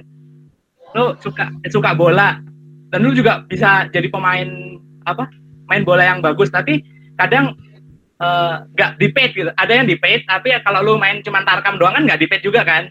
Dan kayak, tapi worth itu nggak need nggak need orang yang terlalu pinter boleh tapi ya ada beberapa mungkin yang butuh hiburan ya tapi, tapi kan nggak nggak semua gitu kan. Kayak gitu kayak terus kalau yang uh, what you love terus sama what people what the world needs gitu itu kan istilahnya kayak lu jadi relawan gitu. Uh, lu seneng membantu orang dan orang-orang butuh bantuan lu gitu. Tapi kan lu kadang nggak dibayar gitu. Tapi kan dan juga kamu juga 3 m biasanya. Makasih makasih mas. Makasih makasih mas Makasih Mas mantap. Atau what need tapi lu juga dibayar gitu itu tapi lu kayak uh, tapi lu nggak mencintai pekerjaan lu gitu kan ada kan yang kayak mungkin apa ya contohnya ya world need dan lu, lu juga dibayar tapi lu nggak suka gitu itu kayaknya banyak banyak sih. banyak, banyak banget kayak lu kerja di suatu perusahaan uh, big four gitu kan tapi lu nggak nggak nggak nggak cinta sama kerjaan lu gitu. Iya dan lu ternyata juga nggak mau nguasai jadinya lu stres gitu kan. Itu hmm. agak bego sih tapi ya. Enggak enggak ya, tahu lu, lu butuh butuh uang kan? Iya. Nah, nah, ya enggak, enggak. Cuma ini lanjut lanjut. Itu sih. Tapi uh, berarti eh, jarak gimana? Dan lagi menurut gue kan hidup kan nggak selalu lurus ya. Ya banyak iya. banyak banyak belokan banyak jalan muter ada uh, polisi tidur kadang. iya makanya mood gue uh, kita tuh ninu ninu kita nggak bisa kita nggak tahu kita mau jadi apa gitu. Menurut gue pertanyaan ke anak kecil yang bilang kamu kalau udah gede mau jadi apa? Itu kayak pertanyaan bodoh gitu ya. Maaf ya tapi kita nggak bisa nentuin kita mau jadi apa. Soalnya along the way itu bakal banyak obstacle yang datang lah. Apalah kebutuhan uh, keluarga lah keinginan orang tua segala macam. Tapi yang bisa salah satu yang bisa kita kontrol tuh ya apa yang apa yang kita bisa lakukan gitu. Jadi ya selama selama perputaran hidup itu selama kita bisa melakukan apa-apa yang menurut kita apa ya fulfilling to ourselves ya ya kita nggak harus nunggu buat kita mencapai suatu apa sih ya profesi tertentu dulu gitu buat itu kita anggap sebagai sukses. Kan juga luas banget kan ya. Little things kan. Tapi uh, menarik yang yang dibilang Zora tadi sih, misal ketika lu kecil ditanyain tentang lu uh, kamu nanti cita-cita pengen jadi apa? Saya pengen jadi polwan. Dan ketika udah dewasa untuk menjawab cita-cita kamu apa itu cukup sulit kan? Menurut Zora itu ada pengaruhnya dari pendidikan kita di Indonesia nggak sih? Ngaruh ya kayaknya. Nggak tahu. Ngaruh sih menurut gue. Cukup, cukup ngaruh sih kayak uh-uh. ada beberapa standar gitu nggak sih dari kita kecil-kecil kayak sukses itu yang jadi apa gitu kan? Ya. Hmm. Arsitek atau pilot, jadi dokter atau jadi dokter, betul, betul. presiden gitu. Berarti apa yang harus di, harusnya diajarkan oleh ya dari kita semua nantinya akan punya anak? Apa? Kalau menurut Aden nah, dan kalau kalau kalau gue kalau apa yang mau gue bilang ke anak gue ya ya ya do what you do do yourself aja do yourself. nah iya tuh itu menarik juga tuh jadi or, orang tuh kadang suka bilang kan kayak love what you do gitu kan. Menurut gue. Yeah, or do what you love. Uh, yeah. menurut gue itu agak kebalik sih kayak uh, gue pengen gue hidup melakukan apa yang gue lakukan melakukan apa I'm passionate about gitu kan cuman uh, ada waktu itu ada orang yang ngomong di Twitter kalau orang yang bilang uh, lakukan passionmu tuh adalah orang yang kaya, orang yang udah udah nggak masalah lu nggak ngelakuin passion lu udah, udah punya duit. Oh, gitu. Iya benar ya, sih, kayak ya kalau sekarang lu butuh duit lu kerja apa aja mau kan, makanya tapi gue nggak keberatan untuk jadi orang yang bisa ngomong itu gitu. Jadi gue akan gue akan uh, apa ya tumbuh dari orang yang bilang do what you love sampai akhirnya gue pengen bisa bilang uh, eh love what you do sampai akhirnya gue bisa bilang do what you love. Itu perjalanan itu goals nggak sih? Oke lo bakal nyebrang berarti. Buat hidup ya? Iya. Sih, gue gue juga punya eh, enggak ya gue percaya sih kalau ada orang bilang kalau surga dunia itu adalah ketika lo bisa hidup dari apa yang lo suka. Menarik Ya, sih. walaupun passion sendiri itu kan juga ada suatu diskusi yang panjang juga tentang passion ya. Passion itu apa sih sebenarnya? Banyak ini juga kontroversi. Yang yang pertama yang paling penting ya balik lagi sih fokus on yourself sih menurut gua kayak Iya benar. ya fokus dalam diri kita sendiri. Siapa lagi yang yang peduli sama diri kita kalau nggak diri kita sendiri gitu. Tapi eh, ya sulit juga ketika kita harus fokus pada diri kita sendiri, sedangkan kita nggak mengerti diri kita sendiri maunya apa kan.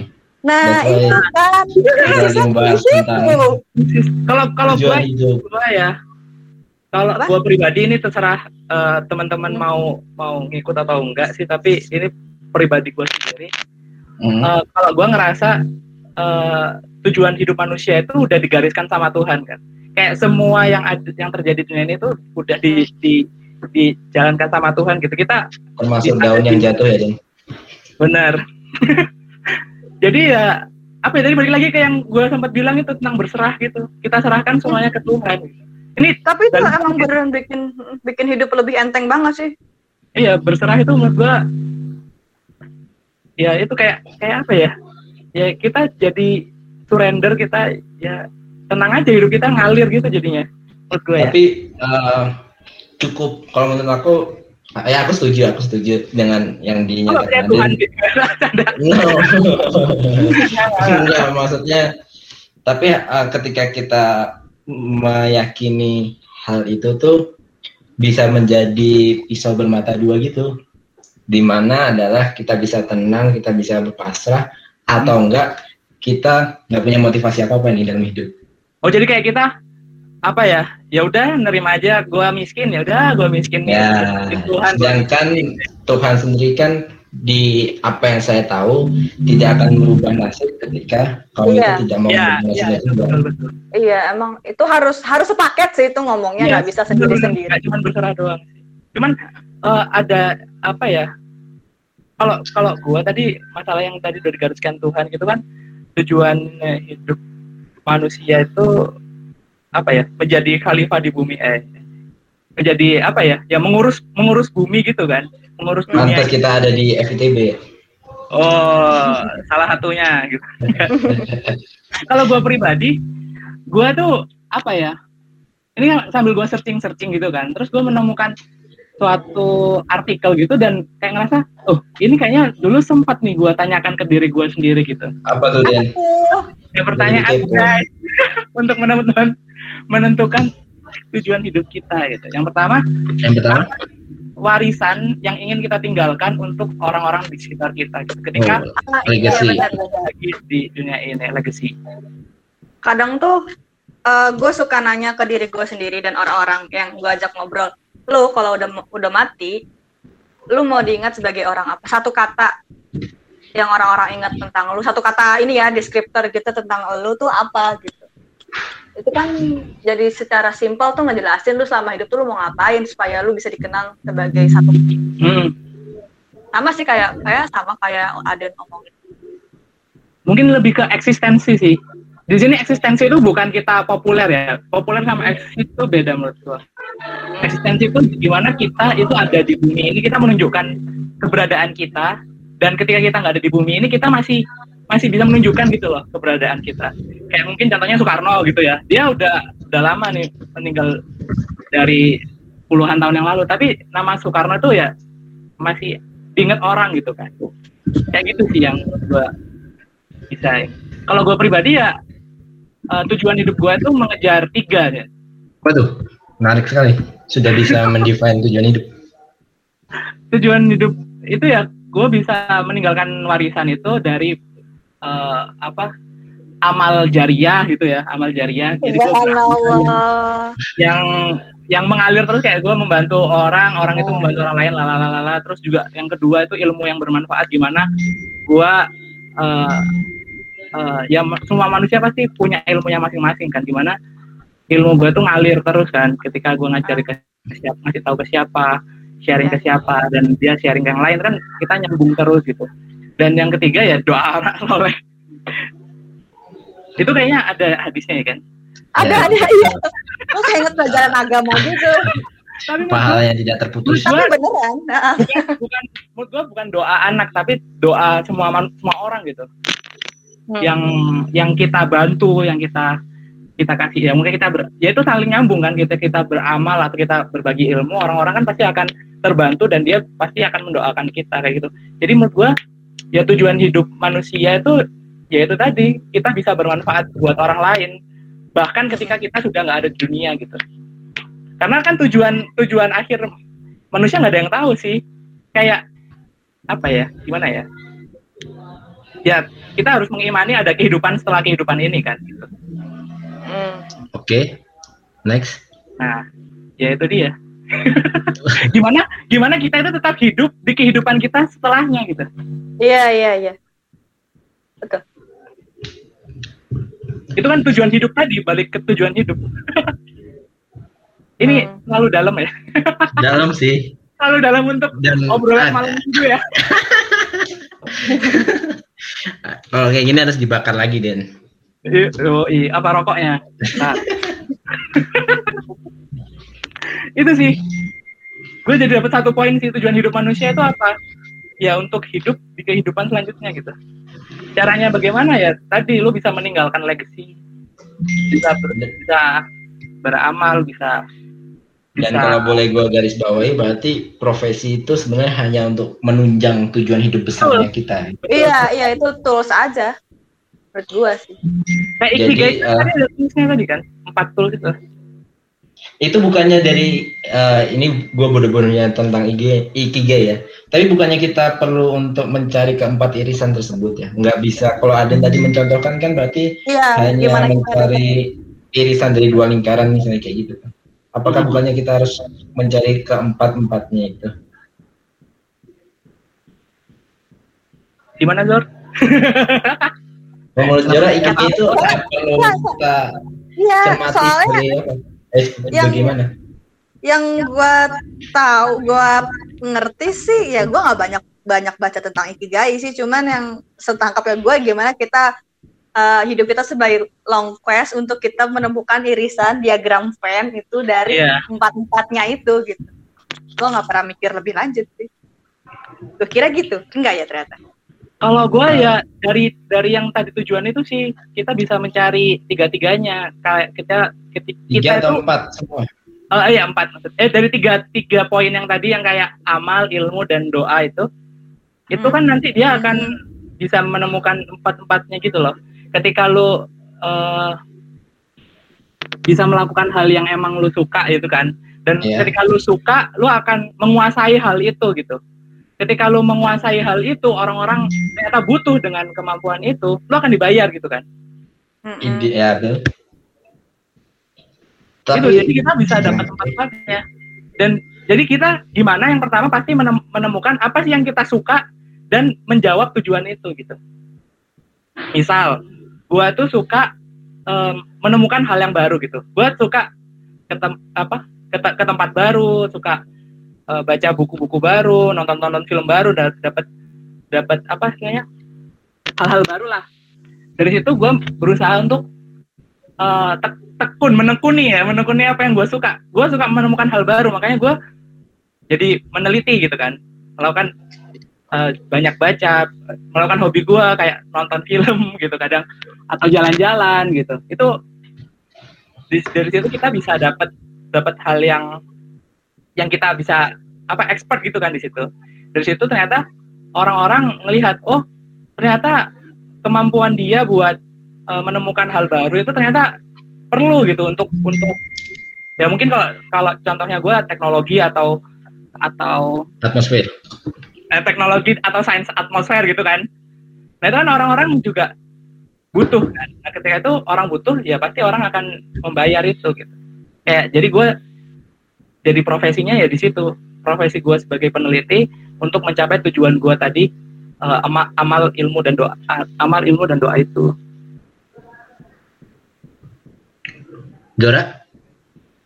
Apa tuh? ah, setuju juga dari yang Aden gue agak mikir sih kalau misalnya apa yang kita senang lakuin itu tapi nggak dibayar gimana kayak relawan Iya, gitu. betul, betul makanya gue juga mikirnya uh, apa yang Adin bilang tadi itu nggak semua orang bisa meraihnya itu.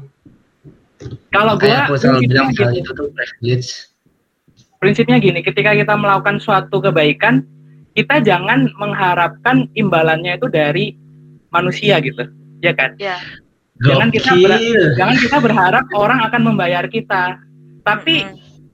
pasti ada ada apa ya hukum kontinuitas gitu kan? Kalau ada yang kurang pasti ada yang ditambah gitu. Ketik pasti hitungannya bukan cuma manusia ya Iya, sama semesta pasti akan dibayar. Entah Hmm. kayak mungkin kalau selama ini kita terlalu terlalu terlalu apa ya terlalu sempit gitu Bay- bayaran tuh uang padahal atau re- rezeki itu bayaran kan bisa dibilang rezeki ya rezeki itu dalam bentuk Iya. uang. Padahal enggak kita da- dapat badan yang sehat itu. Setuju sih kalau kayak gitu ininya. Atau atau eh, nggak nggak harus kesehat eh, nggak harus uang selain uang kesehatan. Terus iya link, kesehatan. koneksi koneksi gitu. Teman-teman orang-orang baik. keluarga yang rukun itu kan rezeki keluarga juga ya? yang rukun itu rezeki.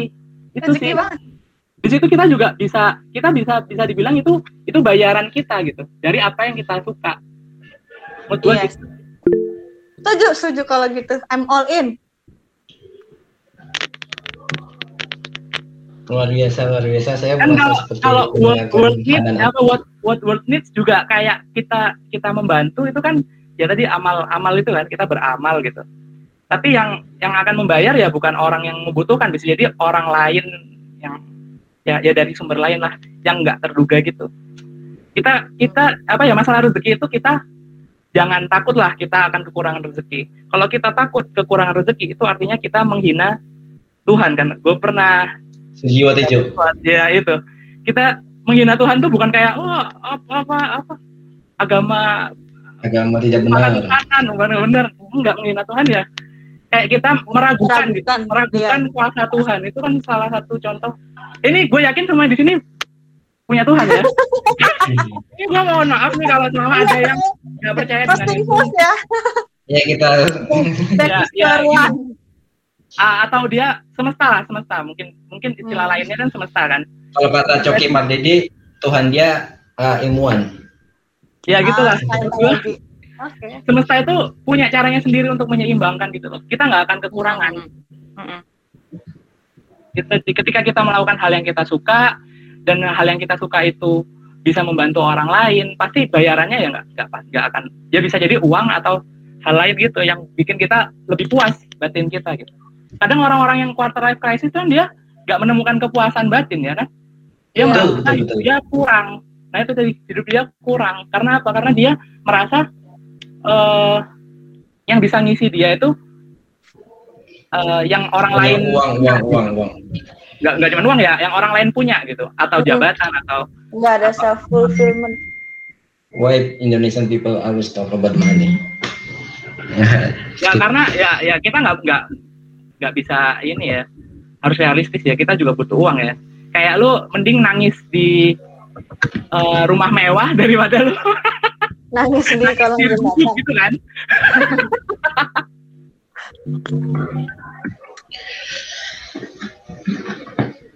Coba, berarti kalau aku simpulkan kalau dari Aden sendiri istilahnya rela untuk melakukan apa pun yang dia suka asal selama itu masih sesuai dengan tujuan besarnya besarmu. Walaupun itu enggak mendapatkan uh, balasan yang cukup di mata kita sebagai manusia Mm-mm. Sedangkan tadi kalau Jora itu sendiri, kalau aku nggak salah ya Jor, kalau Jora tadi rela untuk eh, mencintai apa yang kita lakukan terlebih dahulu, kemudian eh, ya eh, pragmatisnya dalam mengumpulkan uang, kemudian baru do what we love gitu. Apa enggak. lo mau elaborate Enggak lagi? sih. Gua Gimana? em, ya uang ya iya sih. Tapi sebenarnya gua setuju sih sama yang Aden. Karena ya gue menjalani hidup juga kayak gitu sih. jadi gue ber, ber- pengen ngelakuin apa yang gue lakuin aja bukan bukan masalah uang sih maksudnya kayak em, kayak sekarang nih gue gua kerja atau gini misalnya gue gua mau dapat degree tertentu buat gue bisa kerja di bidang yang gue mau karena bidang gue mau itu bisa nolong banyak orang nah untuk dapat degree yang tertentu ini gue harus punya pengalaman kerja kan? Kadang-kadang pengalaman kerja itu kan nggak harus sesuai sama degree yang mau gue dapetin. Nah jadi gue ya kerja kan nggak enak ya. Gue pengennya cepetan gue langsung sekolah lagi terus gue bisa kerja di tempat yang gue inginkan. Nah gitu kadang maksudnya gue melakukan eh mencintai apa yang gue lakukan tuh itu. Jadi ya gue ngelakuin apa aja hal-hal yang bisa ngebawa gue lebih dekat ke eh, goal gue yang lebih besar. Bukan bukan semata-mata masalah materi sih tapi materi juga boleh dikit-dikit. Asik sih bisa keluar negeri. Asik. tanpa mikir aduh duit gue habis apa enggak ya? Gue pengen udah kayak berca makan di restoran tuh tanpa lihat kolom kanan gitu kan langsung apa sih yang enak? gitu. Harus lihat eh, aduh nggak ada duit. Ya,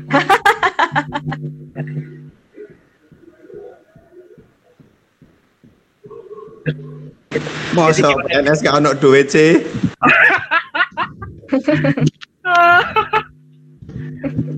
butuh waktu Danung butuh orang dalam gak Den? enggak sih. Udah di dalam ya? Udah di dalam. Ya ini Andi ke mana ya? Ya hadir. Saya mencoba untuk Dora nih men- masih mencoba untuk mener- eh, mendengarkan dan meresapi apa yang kalian Oh, omongkan. oh Untuk iya, iya, iya. Tapi kalau balik lagi ya menghadapi quarter life crisis ya kita harus fokus on ourselves ya. Fokus on ourselves itu kan berarti kita harus tahu eh, tujuan hidup kita mau ke mana gitu kan. Nah, salah satu caranya yang bisa gua eh, tawarkan ke teman-teman ya, ya itu tadi yang apa sih warisan yang eh, tujuan hidup tuh gimana kita bisa tetap hidup setelah kehidupan kita gitu. Kalau kalau dari dari pandangan gua tadi ada tiga hal yang mau gua kerja dulu. Yang yang yang membuat kita tetap akan tetap hidup di kehidupan selanjutnya ya tadi amal ilmu dan doa gitu kan. Biar kita tetap hidup di di eh, di kehidupan selanjutnya gitu.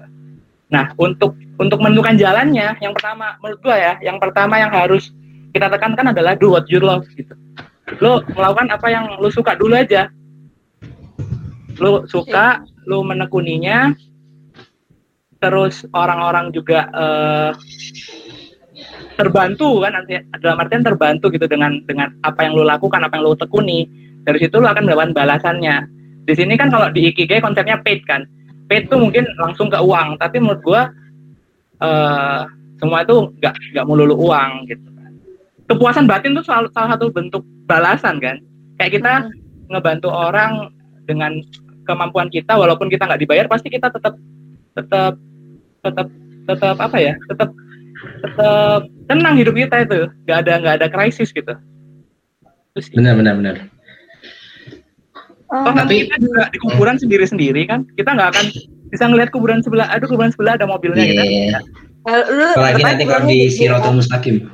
dua kali satu lu mau kayak kayak apa juga kuburannya dua kali satu Tapi tapi tapi eh, saya pribadi itu masih berat untuk mengamini kalau kita tuh harus do what we love gitu. Which is Do- itu terlalu ego. Eh, love what you do. Love what you Eh, do what you love, do what you love. Lu kayak telur apa ayam duluan aja itu ya yang kerjain apa yang lu suka lah ya ya ya. lu Eh, suka eh, mabuk-mabukan lu lah Eh, maksudnya Kayak gitu ya. si Aden kan tadi mencoba untuk memberi saran seperti itu ke kita semua. Tapi itu terlalu egois nggak sih Dan menurut Aden dan Zora ya?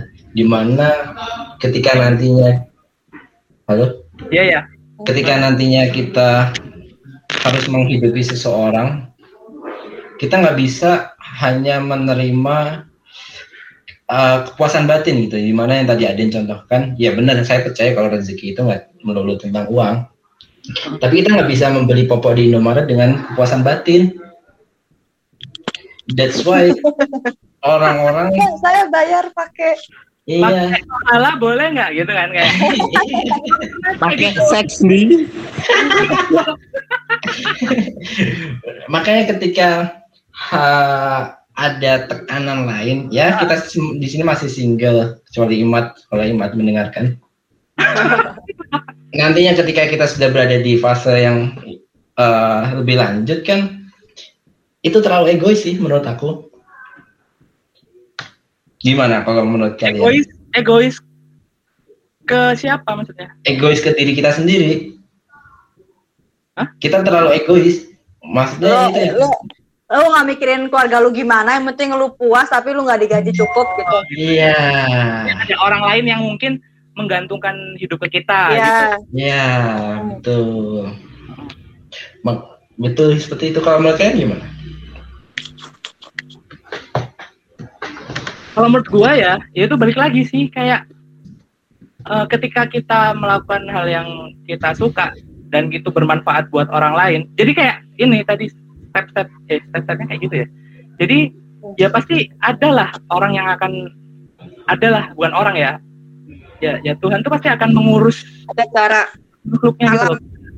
alam tuh akan mengurus dirinya sendiri gitu pasti ada aja rezeki itu emang eh, udah digariskan dan datangnya tuh nggak nggak terduga ya kan Mm-mm. balik lagi ke itu tadi sih kayak eh, ya lu yang penting yang lu kerjain itu niatnya lurus gitu. niatnya baik pasti akan dapat balasannya Iya itu konsep abstrak yang Ya, lu susah sih jelasinnya, tapi ya itu itu tuh sebenarnya konsep iman tau. Lu nggak tahu Iya. bentuknya. Lu harus yakin gitu. Iya beneran. masalahnya tujuan tujuan hid- kuncinya hidup hidup tenang itu ya menurut gue itu tadi berserah gitu loh kayak Go. ya lu lakuin apa yang lu suka yang lu lu- yang lu uh, apa yang orang-orang terbantu dari situ gitu kan. Dan dari situ lu akan mendapatkan balasannya. Balasannya ya nggak untuk uang. Tapi ya emang kalau kita realistis ya kayak beli popok di Indomaret nggak bisa pakai kepuasan batin atau pakai pahala gitu ya. Hmm. tapi ya ya pasti ada sih pasti ada. Kayak kayak gue ya gue tuh eh, ada Ibu sih, eh, beli makanan kucing nih. Gue tuh sampai Oh anak lu ya. Lu udah bertanggung jawab. Tuh. kayak kayak gue tuh dulu ya awal-awal kuliah awal awal-awal kerja di suatu perusahaan yang gak jelas duitnya gitu kan. Terus kayak terus ya aduh ini gimana ya ini makanan kucing ini kucing gua belum makan gitu. Tiba-tiba ada jadi ya tapi nggak tahu dia masih aja hidup gitu. Hmm. ya dia bisa cari makan sendiri dan tiba-tiba ya ada aja duit yang datang gitu. Ketika gua udah ya udahlah ya ya ya ya Allah terserahlah ini. Gua nggak dibayar gimana tapi kucing gua gimana ini dia ntar kelaparan. Ya tiba-tiba ada yang ngasih gitu ada ada ada yang ngasih makan kucing gua kayak gitu.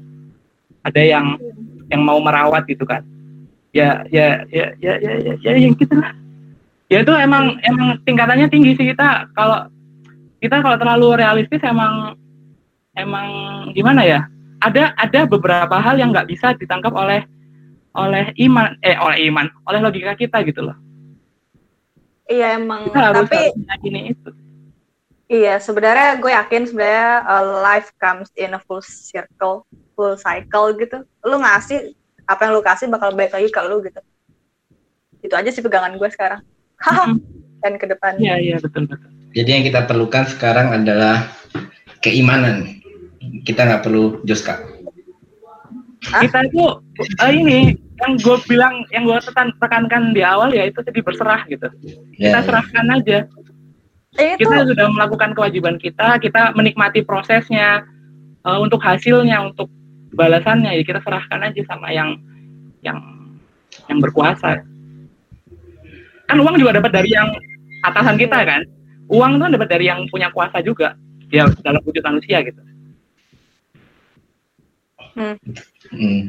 Berarti kalau menurut Atin hal tersebut tidak termasuk eh, golongan dalam eh, egois ya. Ketika kita melakukan apa yang kita suka, walaupun as long as as long as eh, Ya, yang kita as long suka as itu nggak nggak merugikan orang lain ya Asal bermanfaat. asal bermanfaat sih bisa jadi merugikan keluargamu, eh keluarga seseorang karena Contoh? tidak bisa membeli pokok. Lagi. oh lu balik lagi ke popok ya yakin bakal bakal ada orang yang ngasih popok sih Nggak deh. itu itu terlalu terlalu ini ya nggak bisa lihat kita tetap harus berusaha sih Hmm. tapi kita ketika kita berserah kita pasti dikasih jalannya kok kayak gue nih ya ini kemarin di tengah pandemi eh gue yang kerjaan di perusahaan itu masih belum belum dibayar gitu kan. Terus kebut orang tua juga udah eh, kondisi finansialnya juga lagi nggak bagus kemarin di awal-awal gitu. Ya tiba-tiba aja ada temen yang ngajakin buat bisnis gitu kan. Dia bisa ngajakin bisnis karena apa ya? Karena ki- kita sempat sempat dekat gue gua se- sering ngajarin dia ngas- ngasih ilmu gue ke dia gitu. Jadi dia merasa punya ikatan gitu. Dia punya apa ya istilahnya apa utang budi kayak gitulah akhirnya dia membantu kayak gitu loh ketika kita kita bermanfaat buat orang lain orang lain eh, pasti akan ada balasannya gitu Eh, menarik, menarik. Sebenarnya masih bisa bisa saya sanggah-sanggah lagi sih apa yang pernyataan Adin. Tapi ya nggak- ya nggak apa-apa kalau itu untuk meyakinkan dirimu ya karena ini rame nih, jadi kita mulai masuk aja ke sesi Q&A. Mumpung rame dan tidak terlalu eh, biar nggak terlalu kemalaman. Jadi yang mau bertanya silahkan di unmute, sebutkan nama nim, nggak ding, langsung aja tanya ke Aden Zora. Jadi topik kita malam ini tentang quarter life crisis dan tujuan hidup.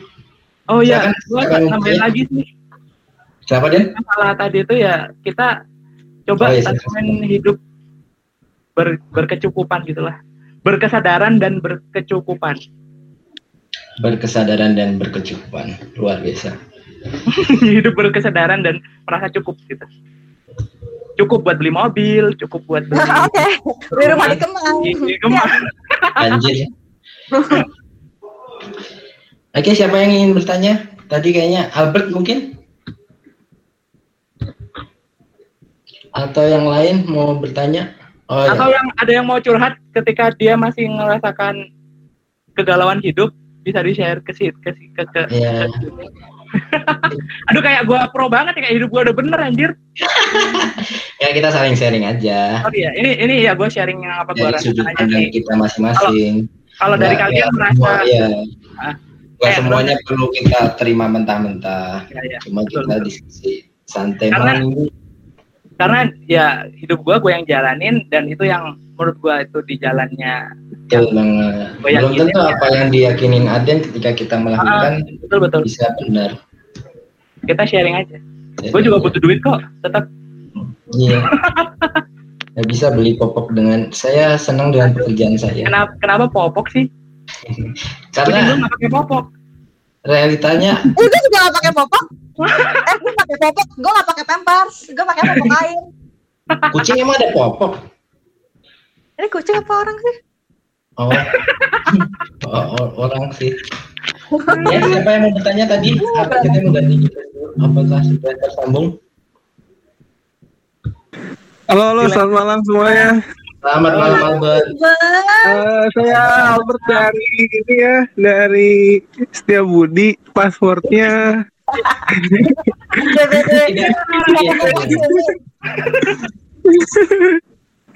eh mau nanya nih Hmm, ke Mbak. pertanyaan titipan nih.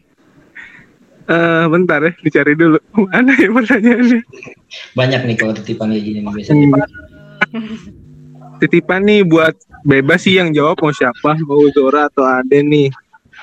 Nah, sebenarnya gini sih. Eh eh, kadang ya, kalau kita ngelihat kadang ya bagus ya, bagus ya untuk kayak orang-orang kayak kita, seumuran kita eh, mengalami kebingungan tuh menurut gue bagus sih. Kenapa bagus? Karena ya artinya kita semua aware akan hidup kita gitu. Kayak kayak nggak mengalir aja gitu kayak kayak itu gitu kan. Nah, Cuman eh, mau minta pandangan sih ke Zora atau Aden. Apakah ini ada ada hubungannya ya dengan sistem pendidikan kita gitu?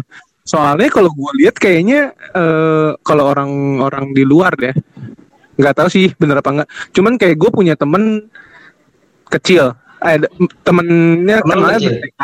Bukan, temennya kenalnya dari TK nih, dari TK. Nah, cuman dia tuh waktu SD tuh udah pindah ke US gitu.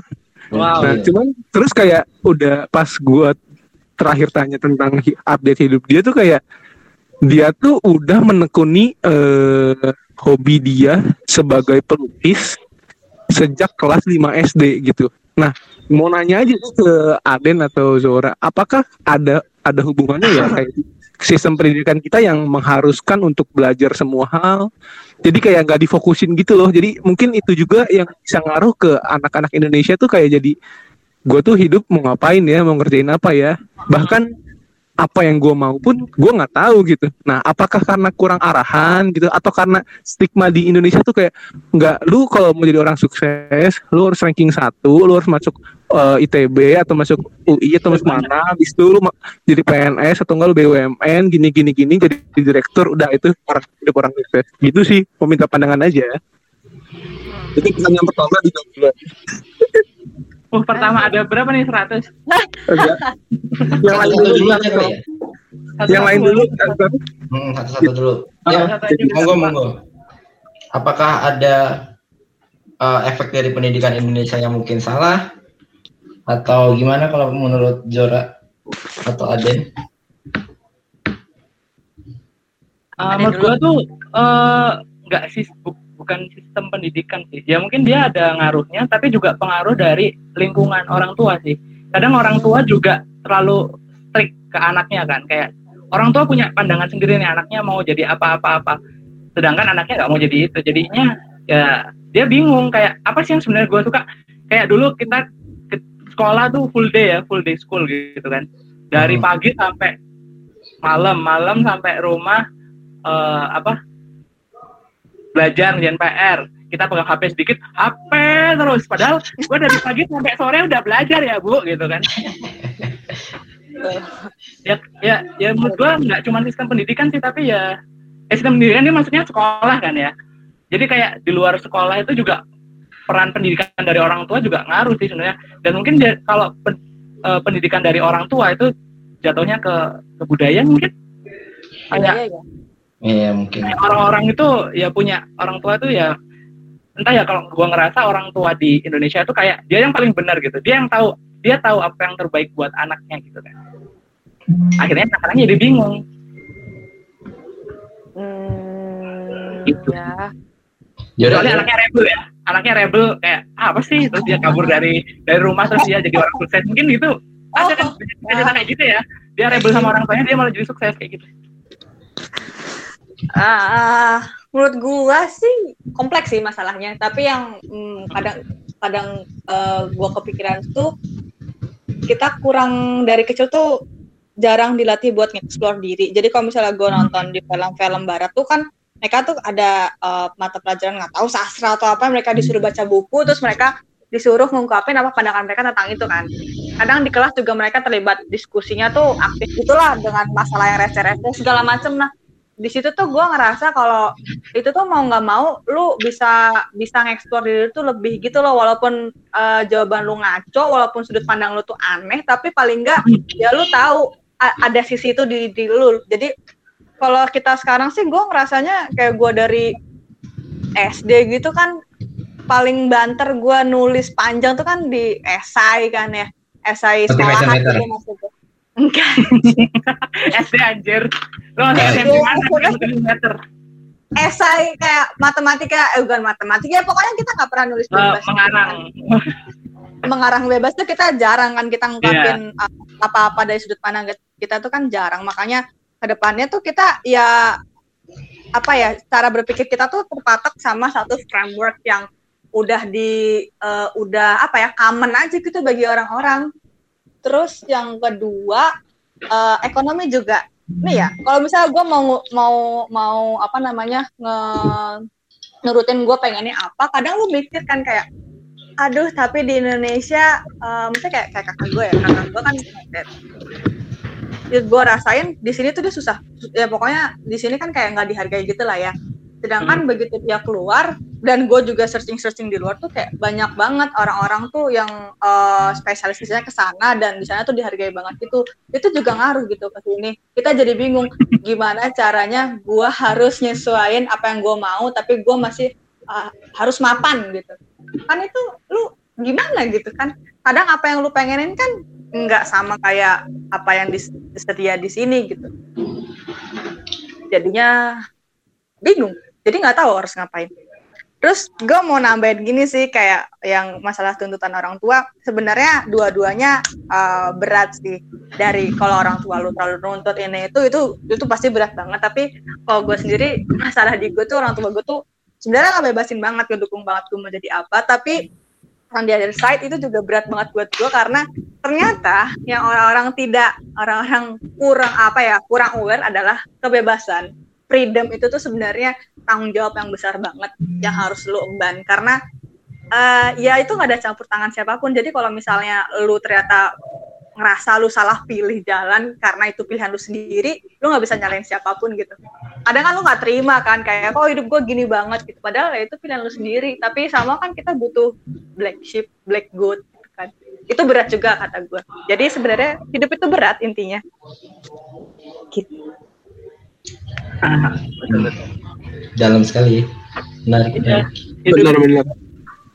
gue gue pernah merasakan sih yang kayak gitu kayak orang dua orang tua gue tuh eh, awalnya pengen gue masuk stan ya Mm-mm. biar jadi PNS kerjanya Di Kementerian eh, Keuangan. sekolahnya dibayarin negara lulus sekolah enak gitu kan ya mungkin niatnya bagus nih buat or- dari orang tua biar anak gue tuh hidupnya terjamin gitu kan. Tapi gue punya jalan gue sendiri gitu. Ya gue bilang kayak eh, yang jalanin hidup Aden yang yang konsekuensinya nanti gimana Aden yang jalanin. Kita juga harus berani sih sebenarnya berani rebel. Tapi ya nggak semua orang Durhaka Don. ya durhaka tuh nggak menganggap orang tuanya. Tapi at the end of the day itu pasti orang tua pengen anaknya bahagia kan Iya, itu benar. Itu mungkin tujuan dari orang tua. kan. bahagianya orang tua sama kita beda gitu ya iya itu sih Pasti orang tua pengen anaknya mendapatkan yang terbaik Iya. lah. bahkan gue sebelum masuk OC gue sempat drama sama orang tua gue sampai nangis nangis Sutradaranya siapa? ya? kenapa sutradaranya lanjut lanjut. iya gue gua ini kayak bapak gue nangis kenapa Aden nggak mau masuk GL gitu kan Terus kayak ya kan ini nggak nggak nggak nggak apa gue bilangnya nggak nggak kepikiran kalau GL tuh mau ngapain gitu gue lebih ke, kepikiran di OC gitu anjir lah. Sorry teman-teman, buat teman-teman yang udah lulus dan bingung mau kerja apa ya. orang-orang langka ini. Enggak, ya karena gue dari kecil gue pengen jadi scientist gitu. Hmm. Tapi orang tua gue nggak nggak nggak nggak itu nggak ke sana kayak scientist tuh kerjaan gak ada duitnya di Indonesia kayak gitu kan. iya kan bener kan iya Iya, emang tapi, tapi gue bisa menunjukkan gitu. Ada ada scientist yang dibayar gitu. Iya betul sih. Tapi kadang orang orang tua kan kadang ya eh, gini deh kayak lu mau lu anak lu mau jadi tentara gitu. Tapi keluarga lu nggak ada background tentara nih. Orang tua lu pasti bingung gitu kayak tentara. Lah kan kita sekarang kagak kagak perang gitu. Ntar lu kerjanya ngapain? Main volley, cabut rumput, lari pagi kan mau ngapain gitu? Nggak ada duitnya. Jadi ya itu ngaruh banget. Iya. Background gitu-gitu tuh. Mungkin Ya, orang itu- tua juga insecure kali ya. Maksudnya Iya. dia juga nggak yakin apakah pilihan anaknya ini yang terbaik untuk masa depan dia. Soalnya nanti nggak bisa disalahkan anaknya- juga sih. anaknya nggak suka, orang tua yang disalahin gitu kan.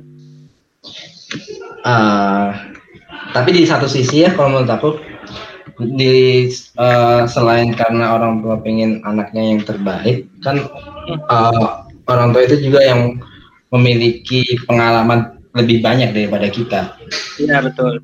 jadi dia mungkin sudah mengerti dunia ini bekerja seperti apa mungkin ya jadi dia Iya. paham akan kerasnya hidup misalnya seperti itu ya, Ya. bisa disalahkan sih kalau menurut aku ya Iya itu kan dari sudut pandang mereka ya. Hmm, Iya, iya gue juga kadang paham sih reason Atau- balik itu. Ingat gak film Three Idiots itu yang si profesornya anak profesornya milih bunuh diri? Iya, iya. Gimana Benar-benar. deh? Three Idiots yang apa sih Iya. nama profesornya itu virus gitu kan? Hmm. Dia Ah, punya tiga anak nih, anak cowoknya tuh sebenarnya pengen jadi sastrawan, tapi bapaknya pengen dia jadi engineer gitu. engineer Terus di, si anaknya ini nggak nggak kuat sekolah engineer akhirnya bunuh diri. lompat dari atas gedung ya Nah itu Hmm. ujung-ujungnya orang tua yang yang disalahkan gitu kan kadang. Dia tuh sebenarnya ya gimana ya? Gue pengen berpesan ke teman-teman yang mau jadi orang tua nih, coba diajak diskusi anak lebih banyak ngobrol sih sama anak gitu kan. Karena yang jalanin hidup itu ya anak kita sendiri. Kita tuh ya anak apa gimana ya? Anak kita umur 20-an gitu. Kita udah umur berapa paling? 40 Zaman 50. berubah ya. Iya, kita kita ya juga ya ya akan pergi sendiri gitu. Ada akan pergi sendiri, akan nggak nggak akan selamanya bareng anak-anak kita gitu kan. Jadi kita harus harus menyiapkan anak kita bisa bisa ya menjalani hidupnya dia sendiri gitu dengan apa yang dia mau, apa yang dia dia suka.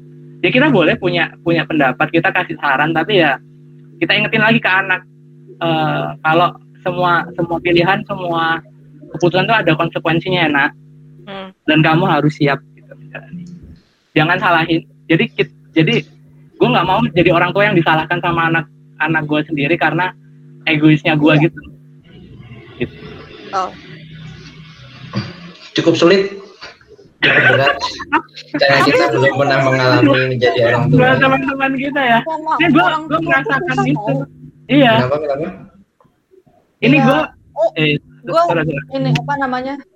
Eh, iya orang tua tuh susah gitu. Kadang langkah tricky banget yang harus diambil. iya Jadi, sih betul betul. sebenarnya dengan kita eh, ah, nggak tahu ya ini di luar di luar topik atau enggak tapi dengan kita eh, jadi orang pintar maksudnya bukan pintar secara akademik doang ya pas kita muda tapi kayak kita eh, lebarin horizon kita tentang hal-hal itu sebenarnya adalah apa ya eh, usaha kita biar hidup anak kita tuh lebih enak. Soalnya jadi gue punya teman dia tuh eh, pionir kuliah lah di keluarga besar dia gitu dan dia sekarang pengen dulu tuh dia mau kuliah di dialang-alangin sama orang tuanya karena mendingan lo langsung mending kamu langsung kerja aja langsung dapat duit gitu. tapi dia nggak mau mau kuliah. Akhirnya dia kuliah. Itu juga bapaknya kayak nggak nggak bangga gitu. Sampai sampai dia lulus tuh bapaknya baru baru ngerasa bangga. Terus sekarang dia mau S2 bapaknya keras lagi tuh. Nggak mau mending kamu sekarang eh, kerja aja yang bener masuk jadi PNS terus nikah. Udah gitu aja biar kamu uangnya kaya ya kaya. Terus bisa bisa bantu saudara-saudara gitu. Itu gara-gara ya background keluarganya gitu kan. Maksudnya mungkin keluarga eh, orang tuanya kurang punya ya pandangannya beda lah. Maksudnya ya, Ya. ngerti gak sih maksud gue? Tiap keluarga punya rahasianya sendiri. Ah ah, maksudnya dengan kita jadi orang yang eh, mungkin lebih aware sama dunia luar ya mungkin nanti saat kita udah tua udah jadi orang tua kita bisa paham itu gitu. Jadi kita mungkin nggak nggak maksain lagi. Kita paham kita sadar kalau ya dunia tuh berubah ya semoga idealisme kita tidak berubah oleh waktu aja. Idealisme ya. nyebelin banget. Eh, ya karena nggak tahu sih karena menurut gue gue belum gue nggak bisa untuk berkata kayak gitu karena gue nggak tidak bisa memposisikan diri sebagai orang tua. Gue nggak tahu apa yang dirasakan orang tua gue nggak tahu gimana rasanya punya anak. Iya sih, pasti ada hal yang ba- ba- baru kita bisa rasakan setelah kita jadi orang tua. ya itu termasuk yang beli popo itu Iya iya iya. Tapi yang paling penting komunikasi sih menurut gua. ya betul betul Iya iya. Kayak kalau menurut gua kayak di Indonesia sistem pendidikannya cukup satu arah kan. Kayak guru yang nerangin terus oh, kita yang cuma nerima nerima nerima. Jarang kita punya eh, kesempatan buat ngomong atau menyangkal kayak sama guru lu eh satu tambah satu tiga ya anak-anak terus lu bu satu tambah satu bukannya dua kamu nih ngelawan orang tua gitu kayak gitu gitu kayak gitu gitu sih menurut gua harus di dihindari gitu itu sih benar benar benar benar Emang kalau dari Albert sendiri gimana, Bet? Menurut mana, Bet? Kalau hal ini, tentang hal ini. Eh, nggak tahu sih orang nanya. Tapi enggak kalau kalau orang sih ya pandangan lu dalam dalam pendidikan pandangan dalam pendidikan ya, kalau menurut gua ya iya sih karena faktor orang tua tuh beneran itu sih, beneran ngaruh juga sih. Kadang kan eh bener lah orang tua kan pengen yang terbaik, tapi kadang kadang nggak sesuai juga gitu kan sama apa yang dengan keinginan anaknya gitu. Entah mungkin budaya budaya juga masuk sih bener. Budaya apa budaya keluarga masing-masing. Kayak mungkin kalau misalkan di luar gitu kan anak udah umur berapa tuh udah dianggap dewasa ya? Udah bisa ngur apa udah, dia udah kayak ngurus hidupnya sendiri. Sedangkan kalau kita budaya timur kan kayak kental banget kekeluargaannya kayak ibaratnya kadang kita bisa lah ngorbanin ego kita supaya enggak kasarnya supaya enggak durhaka sama orang tua gitu kan. Gitu sih. Menarik sih cuman maksudnya kayak ini bisa jadi masukan buat kita juga kayak eh, mungkin di tahun-tahun selanjutnya kan akan jadi giliran kita yang akan mendidik anak-anak kita gitu kan. Kayak gimana Anak sih kita? Kita anak-anak dari kalian masing-masing gitu. Jadi kan kayak ini maksudnya apa yang gue sih pengennya ya. Kalau gue sih pengennya eh, kayak gue pengen anak gue nggak kayak gue gitu. Kayak bingung apa yang mau dikerjain dalam hidup. iya gue juga gitu gue tuh pengen kayak anak gue kayak ya oh, eks- kayak tadi Zora bilang sih explore lah bisa explore apa yang dia mau gitu tapi kita sebagai apa sebagai orang tua pun nanti kita semua kayak bisa mengarahkan gitu jadi supaya nggak ada lagi lah bingung-bingung atau ya bukan bukan berarti bingung-bingung salah ya maksudnya kayak lebih pengen lebih terarah aja hidupnya lebih rencana gitu sih mungkin ya Ya. Menarik. Oke. Oke, yang lain ada yang mau ingin ditanyakan lagi? Ada yang ingin bertanya kepada Aden dan Zora? aku gue belum selesai nih boleh nanya lagi nggak Oh, boleh, boleh, boleh. itu masih panjang listnya Eh, enggak, ini ini cuma nanya masing-masing sih ke Zora sama Aden. Eh, kan tadi sempat denger ya kalau tujuan hidup kita tuh bukan kita yang menentukan. Siapa yang bilang ya? Gue lupa. gua ya Gue lupa pokoknya kalian berdua bilang gitu ya kalau nggak salah. Ya dipikir-pikir bener juga sih. Kadang kalau misalnya kita eh, waktu itu Gesta pernah kayak nge-share gitu kayak kayak misalkan ilustrasi ilustrasi mic gitu ya.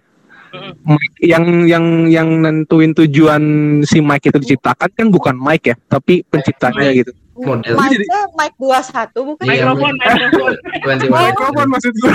Mikrofon Oh, mikrofon. yang yang yang men- yang Gue menentukan kira tujuan si mikrofon disebut gitu ya? mikrofon buat buat nyanyi tuh bukan si mikrofonnya ya, tapi yang buat mikrofon ya. Nah, gue tuh juga kepikiran apakah kita juga seperti itu ya? Maksudnya kayak kita tuh sebenarnya nggak bisa nentuin tujuan hidup kita, tapi kayak sebenarnya tujuan hidup kita tuh udah ada, cuman kita belum menyadari aja gitu. Nah, gue pengen nanya sih ke Zora atau Aden, eh, gimana sih kalian menemukan lah atau yakin oh ini yang mau gue jalanin, gak usah ini loh yang mau gue jalanin di umur segini gue pengen jadi ini. Nah itu tuh kalian gimana sih caranya untuk sadar atau bisa menemukan gitulah? Gitu doang sih udah cuma dua itu pertanyaan gue. Siapa yang mau jawab duluan? Zora, Zora. Kalau gua sih itu merenung terus ini sih, ya itu yang gue bilang tadi. Gue nanya ke diri gue sendiri kayak kalau kalau gue mati gue mau diingat sebagai apa. Jadi dulu tuh gue pertamanya denger cerita gue tahu siapa tokohnya tapi dia tuh zaman di zaman dulu banget kayak 1800-an gitu dia nyebar eh, berita kematian palsu tentang tentang dia sendiri gitu kan untuk untuk dia pengen tahu respon orang-orang tuh gimana nah terus eh, dia tuh eh, udah udah kan udah udah disebar udah taruh di koran. Terus eh, pokoknya dia tahu orang di pemberitaan headline di koran-koran di berita-berita tuh bilangnya gini si pembuat bom ini mati di umur sekian kayak gitu. Itu dia dia sadar kalau oh selama ini tuh dia dikenangnya bahkan ya selama dia hidup ini tuh orang-orang di belakang dia nyebut dia sebagai si pembuat bom gitu dan dia nggak mau disebut itu makanya mulai saat itu dia langsung berubah kayak gitu. Nah begitu gue dengar cerita itu gue langsung nanya ke diri gue sendiri gitu. Gue pengen di gue pengen uh, dikenang dan disebut sebagai apa sih gitu dalam setelah gue meninggal tuh kalau kata Aden gue mau meninggalkan legacy apa sih kayak gitu. Dari situ baru gue narik deh ke poin-poin lebih kecilnya lagi gitu. Walaupun itu susah sih tapi uh, mungkin itu bisa jadi tools buat membantu kita buat nentuin mau gimana dalam hidup itu cerita ceritanya siapa deh Jod kayak pernah denger gue lupa ya. lupa deh gue tapi kayaknya kisah nyata nggak tahu deh gue dua dulu bacanya di Bobo Aduh anak bobo. Gua bobo tuh berilmu ya. Mahal, mahal tau execute. Kan seminggu sekali. Ah, iya. orang luar kok orang luar. Kalau Aden gimana Aden? Iya. Kalau kalau gue kayaknya baru nemu nggak nggak tahu deh. Gue nemu nemu pembahasannya tadi tuh baru pas gue ngomong di podcast ini sih. Oke, wow. Cuman gue ya, podcast ini cukup mampu untuk mencerahkan pikiran orang ya. Ya, jadi pikiran gue jadi agak tertata, jadi keluar quotes quotes yang wow, kok wow, kok Rahaden bisa mengeluarkan quotes seperti itu gitu kan? Siapa ini? Siapa ini? Ini kesambat apa gue? itu sih kayak, tapi uh, poin ketika gue menemukan tujuan itu ya ketika apa ya mungkin zaman zaman SMA gitu kali ya yang kayak uh, eh, gue kan di SMA yang cukup religius gitu kan. Nah di situ gue ada beberapa dan dan Gunter. dan, dan suasananya cukup tenang untuk berpikir gitu kayak tentang memaknai hidup gitu. Jadi gue gue di situ dapat dapat dapat suatu apa ya kayak ya makna hidup itu tujuannya apa gitu. Yang itu tadi kayak dan dan gue baru bisa mem, mem, membahasakan tadi itu tujuan hidup kita ya uh, bagaimana kita tetap hidup di kehidupan kita setelah kehidupan ini. Nah itu itu kalau dulu gue mikirnya ya kayak gue tuh pengen eksistensi gue ada gitu walaupun gue udah nggak ada di bumi.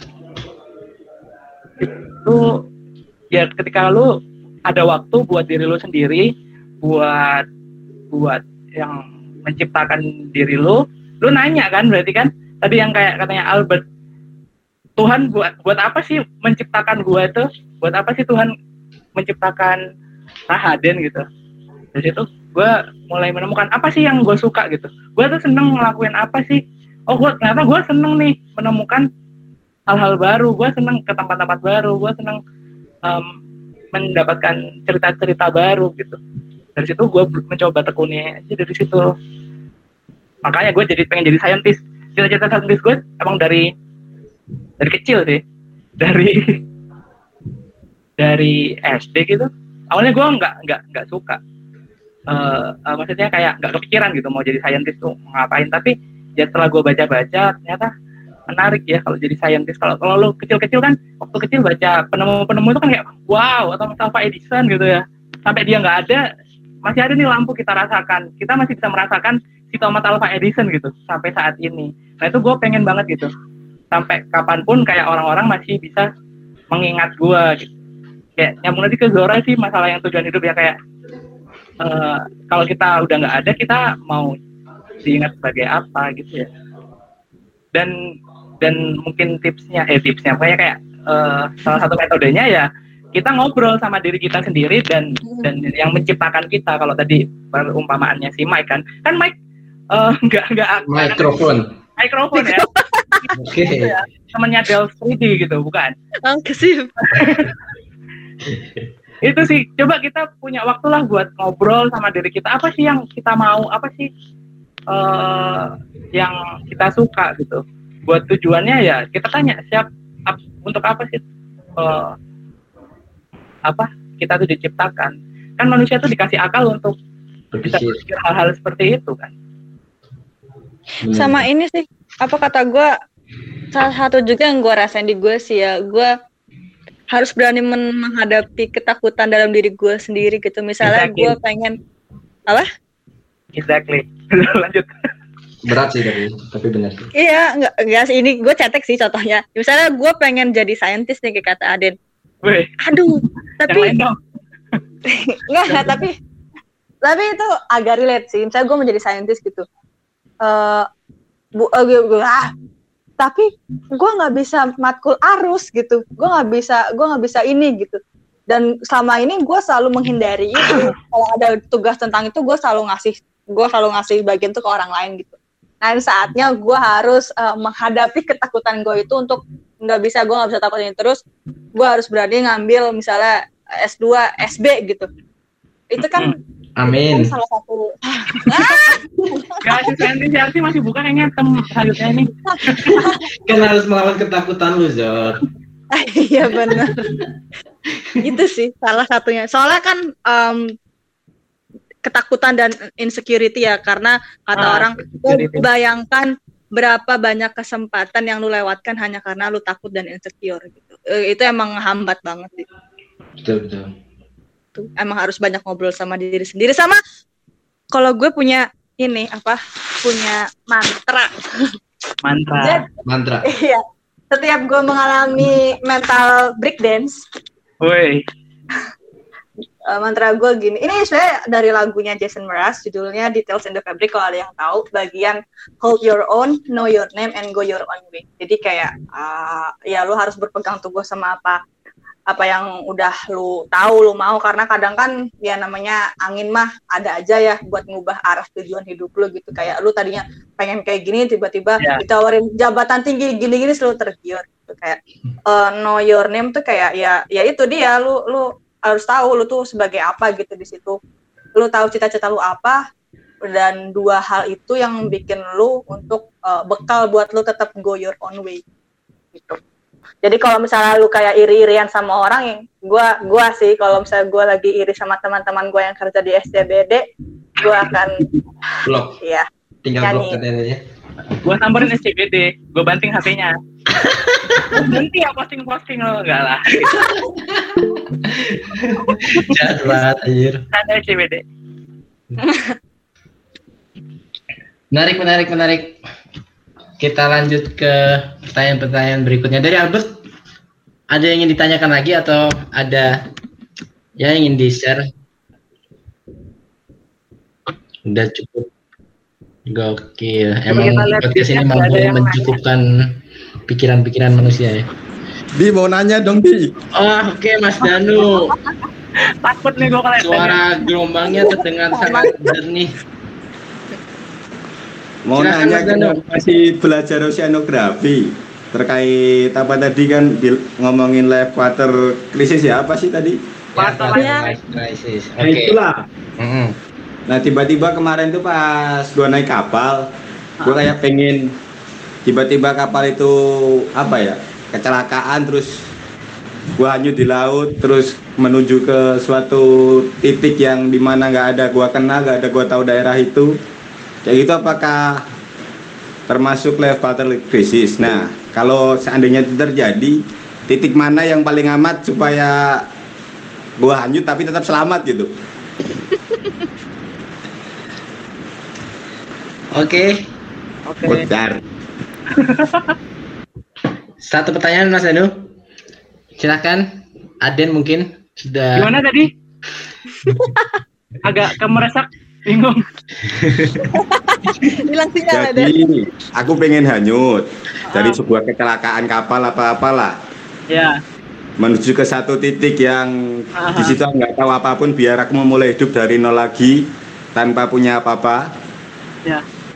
Nah, titik mana yang paling aman supaya aku hanyut dan masih selamat? Hmm.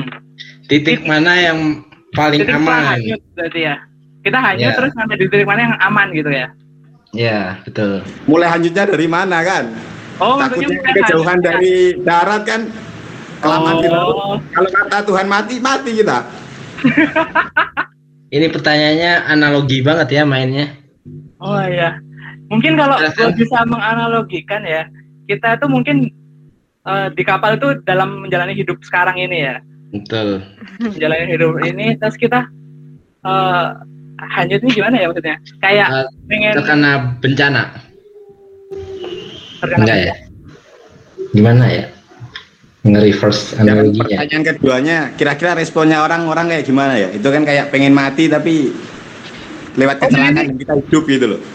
oh Iya. jadi ceritanya mau mau mati di tengah kehidupan ini kita mau mati aja gitu Susah banget.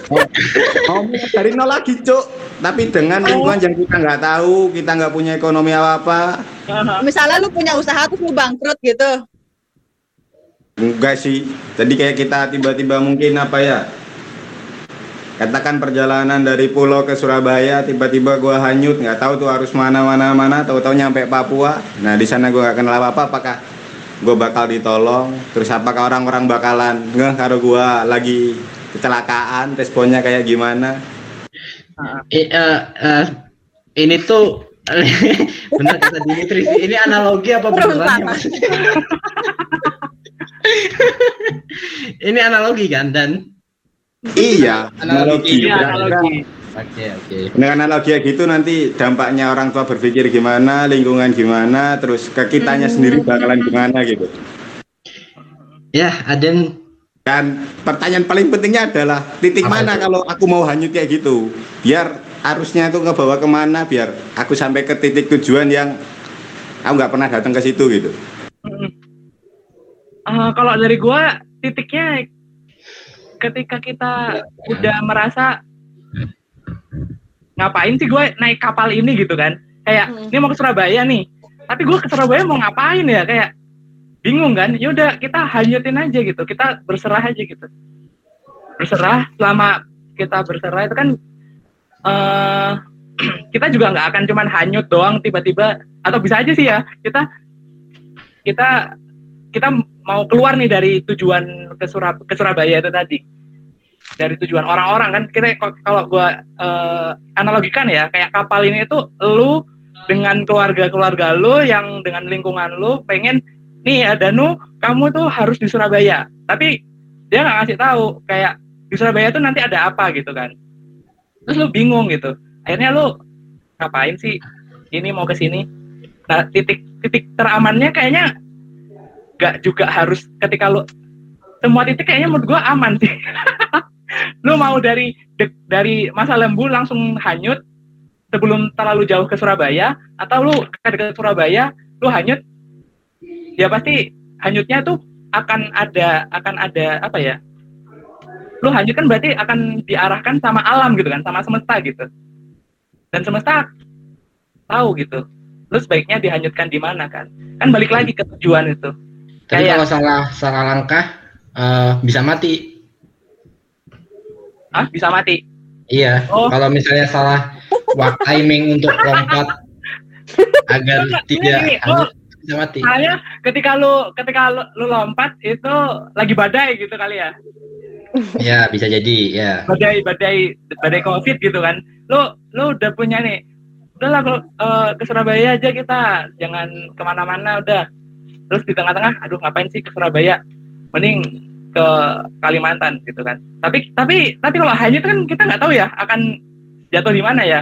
Tapi kita ketika hanyut kita tuh pas ketika kita memutuskan untuk hanyut, kita tuh tahu kalau pasti ada nih tempat lain nih yang lebih baik dari Surabaya yang yang gue tahu gitu kan mana yang yang yang yang apa ya yang bagus gitu yang yang menem, yang sesuai dengan tujuan gue mau ngapain gitu di sana terus kita kita hanyut ya kita berserah gitu kita berserah ke ke yang mengatur si penghanyutan ini terserah lah gue mau dihanyutin ke mana gitu kan kita itu tadi kita walaupun punya tujuan tapi kita juga harus ada ada istilahnya keyakinan gitu kalau kita akan selamat gitu kan tapi kalau ketika akhirnya kita tenggelam ya itu udah jadi balik ke kon- konsekuensi kita tadi di awal ketika kita memutuskan untuk hanyut gitu. Nah ini eh, ada ya baru baca ada itu pakai pakai pelampung. Jadi ketika kalau kita pengen selamat ya kita harus siap kan. Kita harus menyiapkan hal-hal lain gitu. Ketika kita memutuskan untuk keluar dari yang sudah diarahkan oleh si kapal itu, ya kita nggak kalau bisa jangan asal hanyut kita siapin juga apa yang kita punya gitu buat ketika hanyut dan ketika itu sampai apa yang mau kita kita apa ya kita lakukan di tempat tujuan itu terus bagaimana responnya respon respon yang di kapal pasti "Lu ngapain nih lu lompat gila lu nggak lu nggak punya otak ya lu ini nih tapi kan lu yakin lu udah siap dengan dengan segala konsekuensinya kalau gua hanyut akan sampai di suatu tempat yang terba yang lebih baik lah daripada ke Surabaya Hmm. Nah, di situlah poinnya. Kita harus yakin juga. Kita harus siap, kita harus yakin, dan kita menyerahkan arah penghanyutan ini mau ke mana. Dan kita, kita ketika kita sampai di pulau yang kita mau, ya kita sebagai orang baru. Tapi kalau kita udah udah tahu eh, tujuan kita itu mau ngapain, kayak oh ternyata di pulau ini tuh ada ah, ada pohon kelapa nih. Gue mau bikin eh, warung es kelapa kayak gitu kan. Ya kita konsekuensinya kita harus mau belajar juga gitu di di tempat baru juga gitu itu sih menurut gua semoga cukup menjawab analoginya yang sangat berat ini ya. Kalau dari Jara gimana? Um, menurut gue nggak tahu sih ya. Yang ada ya ada poinnya juga. Tapi gue mau eh, menceritakan suatu cerita nyata yang menurut gue eh, mem- buat gue sendiri gue ngambil pelajaran yang buka mata bahwa ternyata hidup itu indah. Hidup itu nggak random gitu. Jadi ceritanya ini teman kantor gue dulu. Eh, jadi. Iya, dia menghajatkan diri di tengah badai COVID ini. Jadi pokoknya kondisinya eh, intinya kantor itu udah nggak udah nggak kondusif, udah nggak healthy sama sekali. Pokoknya udah udah pokoknya udah toxic dan emang lebih baik keluar gitu kan. Dari segala sisi tuh udah nggak bagus banget. Nah, eh, tapi masalahnya eh, nyari kerja sekarang susah. Hmm, Tapi- betul, di badai kayak gini segala macam kan. Nah terus Iya. udah gitu, em, akhirnya dia tapi dengan segala pertimbangan dan dia udah nggak, ya dia ngerasa udah ini udah udah nggak bener di sini, dia mau keluar terserah konsekuensinya apa. Walaupun dia dia ngitung-ngitung juga, dia ngitung hubungan segala macam kayak gitu. Da- tapi saat itu juga dia belum daftar mana-mana karena eh udah daftar cuman belum ada panggilan gitu-gitu tapi akhirnya dia putusin buat berani keluar aja padahal keluarga dia juga nentang segala macam. Karena emang kebetulan dia eh, apa ya jadi orang yang dibutuh eh, jadi termasuk orang yang penghasilannya ditunggu-tunggu lah sama keluarganya gitu. Nah terus eh, ternyata hidup tuh nggak serandom itu. Jadi begitu Hamin satu dia apa Hamin satu dia resign kalau nggak salah. Ha- jadi kan kalau di kantor gue dulu lu resign harus ngasih tahu eh, di minimal seming eh, sebulan dan menot not- notice ya Notice period ya. Eh, Lama di- juga ya sebulan. ya? Iya di Hamin satu dia tanggal dia keluar tuh tiba-tiba dia dipanggil dipanggil Hmm. dari eh, lamaran yang dia kirim udah lama banget Oke. dipanggil terus eh ternyata bidangnya ya emang sesuai sama bidang dia dulu tapi karena udah nggak ada kabar dia jadi kayak udah udah udah udah nggak pernah nganggap eh, si lowongan itulah nah pas dipanggil itu wawancara ada suatu tesnya Hmm. kebetulan dia kan eh, tentang GIS gitulah eh, WebG segala macam nah di tesnya itu dia ditanya macam-macam dari, dari tiga pertanyaan pertanyaan teknis dari empat pertanyaan tiga pertanyaan itu adalah pertanyaan yang dia bisa dia jawab karena pas lama di kantor itu dia dia bantuin gue ngerjain proyek. Jadi ada tiga proyek berbeda yang masing-masingnya itu ternyata di kemudian hari jadi soal soal ujian masuk dia buat suatu suatu posisi di di di perusahaan gitu. Dan dia jadi bisa jawab karena dia pernah bantuin gue gitu. Jadi kalau dipikir ternyata jalan dia tuh udah dihafal dari jauh-jauh hari gitu. Dari sebelum dia mutusin resign dari sebelum covid ini terjadi tuh jalan dia udah udah mulai diaspal nih sama sama Tuhan sama sama semesta gitu. Jadi sebenarnya ya nggak ada yang random gitu. Ya asal lu ya asal lu yakin juga sih kata Aden kayak ya asal lu yakin dengan dengan apa pilihan lu ya pasti ada jalan gitu. dan lu yakin lu, lu itu yang terbaik saat itu dan akan ada kondisi yang lebih baik dari kondisi yang lu alami saat itu ya lama akan bawa lu ke sana setuju Ini eh, Esri bukan ya? bukan setan gue ditolak dua kali kampret Gua juga. Gede banget gue Luar Dang. biasa ini pernyataan-pernyataan dari Aden sama Jora sangat menggetarkan jiwa. Jadi bacot banget tuh, Dik. Yang penting sih kalau point outnya uh, kita melakukan yang terbaik. Setelah itu kita pasrahkan, ya nggak sih? Ya. Semuanya udah harus kita kalkulasi tetap, tapi ya, namanya juga manusia. Hasil kan nggak ada yang tahu. Pertanyaan yang sangat dalam dari Danu, luar biasa. Gimana Mas Danu? Oh ya, terima kasih terjawab. Itu kan analogi. Kalau misalnya itu mau diaplikasikan secara nyata, aku harus memulai dari titik laut mana supaya aku ketika loncat dari laut aman sampai di darat. Ini ini kalau kejadian yang beneran ya, bukan analogi berarti ya. Danu ini Ya, maksudnya kita harus yang benerannya. Beneran. hitung kayak momentum kapal gitu dan skala ya. Ya itu berarti maksudnya. berarti ya Kayak Titanic gitu, Titanic. kayaknya kita harus forecast dulu berarti arusnya ya. Pasang surut, pasang surut. Punya ang- angin dan dan lupa angin ya. Harus pakai alatnya Ian atau Gesta dulu nih biar tahu batimeternya berapa kan. Pakai pakai mic aja tadi, pakai mic. Louis. Mau dijawab pertanyaan kedua Mas Danu? Di laut mana? Kan yang tahu lautnya lu sendiri gitu. Oh ya, misalnya case-nya laut Jawa lah. Tergantung musim. Lo ya jawabannya apa? Titik mana? Oh Jawa itu kan dia dangkal ya. Jadi eh apa gua bingung aja. Nah, gini loh kan kayak kalau dulu-dulu ada berita kayak ada nelayan hanyut, ada nelayan, nelayan apa kan? Mereka kan tanpa punya kalkulasi, cuma percaya sama yang Oh, di iya. atas, yang selamat ada yang mati. Heeh. Nah, karena aku punya teman-teman oceanografi, ketika aku pengen melakukan itu, caranya gimana nih biar kalkulasinya aman dan selamat? Ya baik. Terima kasih pertanyaannya. Coba Aden.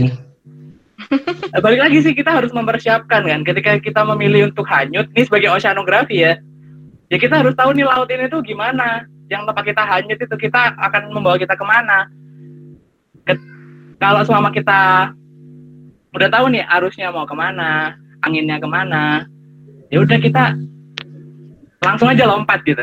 Hanyutin aja karena kita pasti akan nyampe di suatu tempat yang kita perkirakan kan sebelumnya. Ketika kita nggak nyampe sesuai dengan apa yang perkirakan ya berarti emang eh, si semesta ini si a, si arus si a, angin itu punya punya cara lain gitu untuk mengantarkan kita. Ini pertanyaan bukan analogi loh, Den. Ini Literally. itu bukan analogi ya? Kan literally ketika Danu mau hanyut, ya jangan nih Danu lagi tengah laut nih. Ketika Danu mau hanyut nih dia mau lompat itu harus gimana? Ini sesuai kaidah keilmuan oceanografi. aduh. Ya mungkin bisa dijawab di lain kesempatan kali ya. kasihan jangan. Mau, mau, mau ikutan ketawa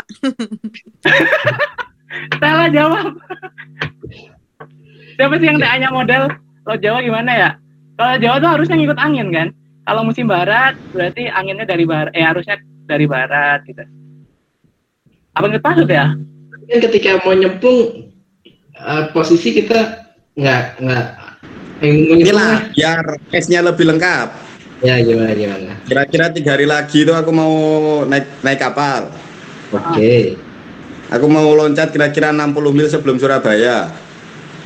Dengan tuju- tujuannya apa Kira-kira tuh? aku bakal hanyut sampai mana ini? Dan aman nggak sampai darat? Apakah mati? Eh, 60 mil ya. ini beneran gak sih dan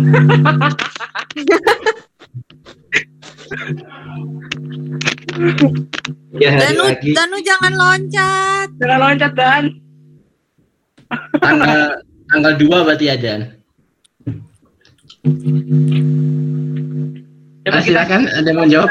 di perakiraan smart.science.8.id ya tiga hari ke depan arusnya gimana? Kasih linknya coba dan ditaruh di chat. Sebagai bentuk pelayanan. Ah iya.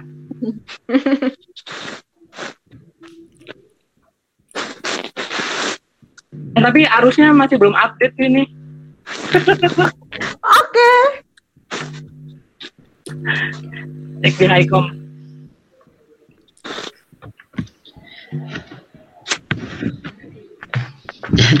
gue jadi bingung mau ngomong apa ya. Dan lu punya jawabannya. Kira-kira jawaban seperti apa yang mau didengarkan? Nah ini dari Willy nih. Mungkin Harus eh, bisa renang di satu dan dua. Untuk sedikit menjelaskan harus bisa renang nyebrang Selat Sundu- Sunda dulu kayak TNI AL. Gimana itu Oh. Yan?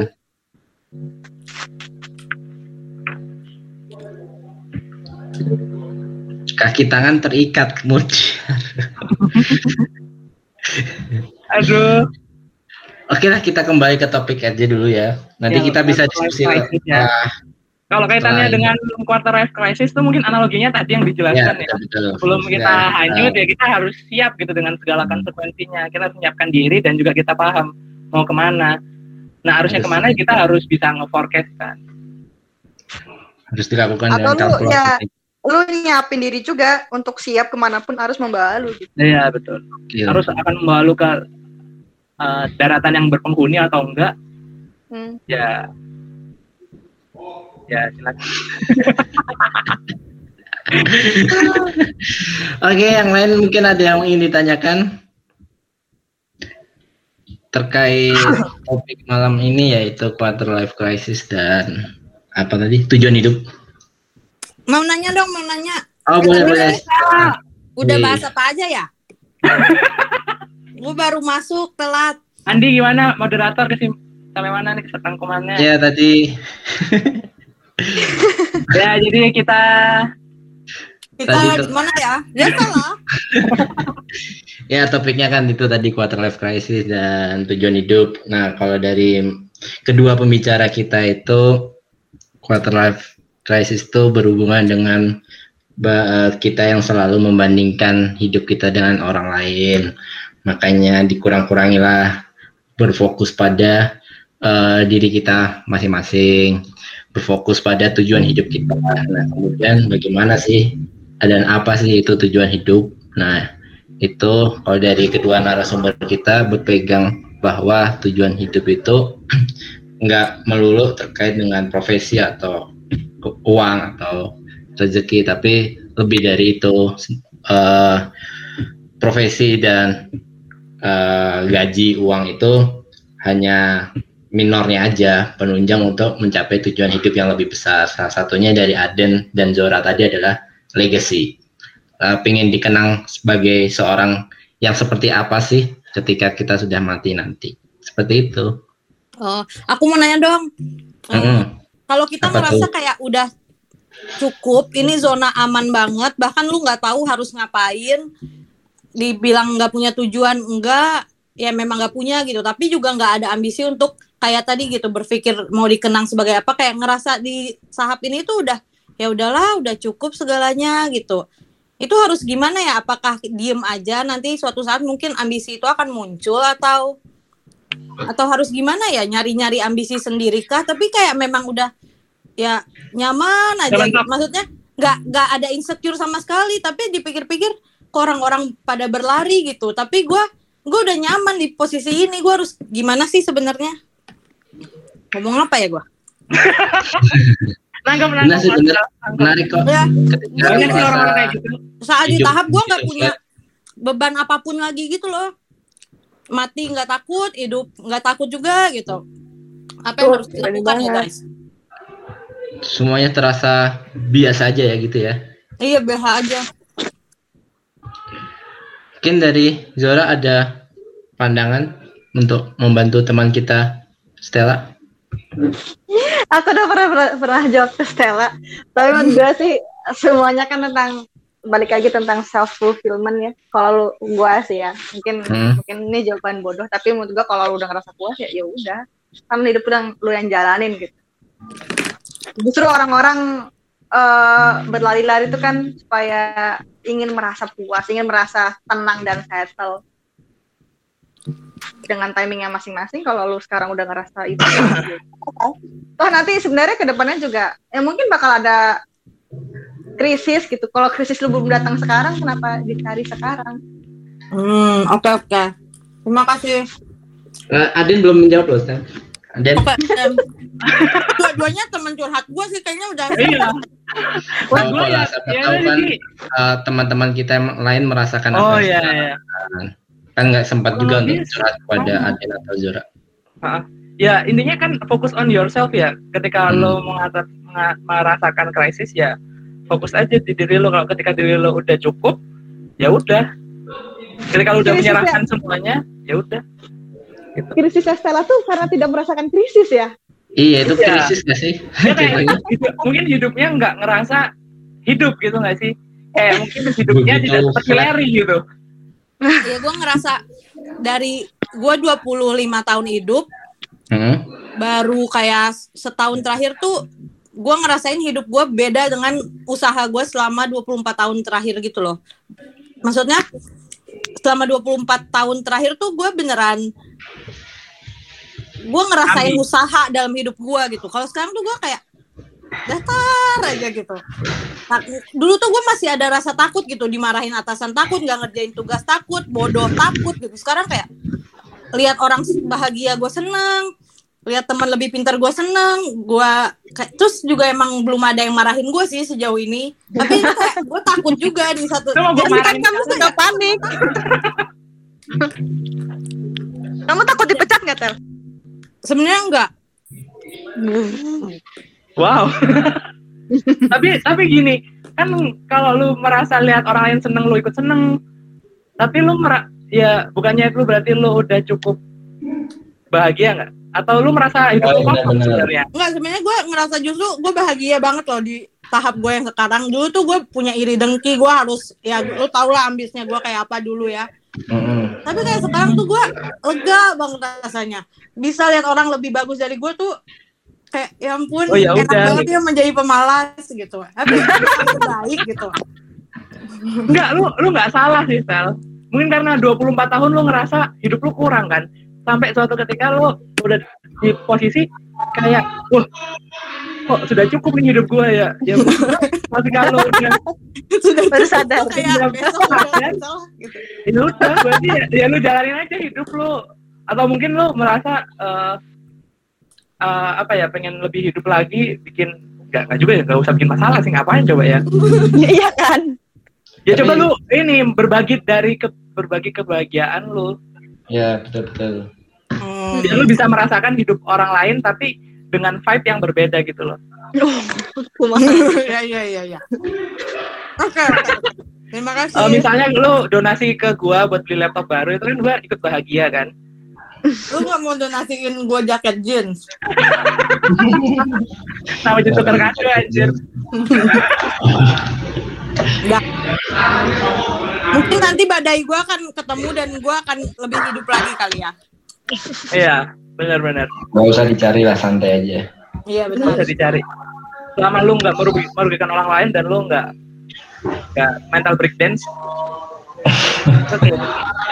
Toh juga masih senang-senang aja kan, masih bahagia. iya masih happy happy kok. Mm-mm. happy kan? Lu nggak pura-pura happy kan Sel? Hmm, enggak lah gue happy banget. Gue beneran happy banget begitu lulus kuliah gue happy banget.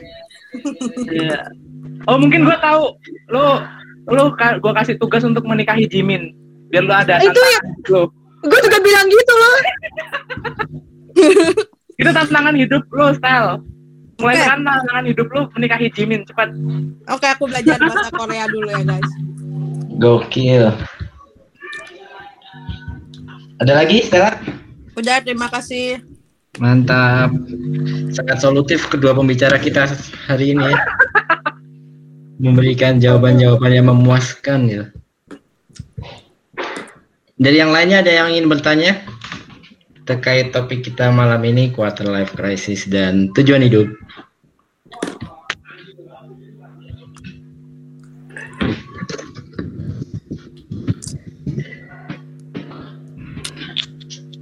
Eh, nggak ada yang mau tanya lagi nih.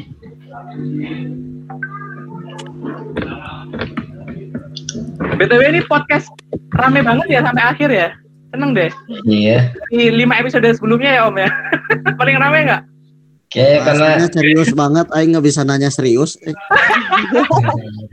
karena topiknya mungkin relate juga ya dan sama kita yang Oh, iya, iya. sekarang ini. Tapi tapi si Putra Ajus nggak bisa relate ya masih lama quarter life crisisnya. Buset. Di tiga tahun lagi baru masuk. Iya. Berapa sih umur Ajis berarti sekarang? 17 ya? Nggak Ajis bercanda.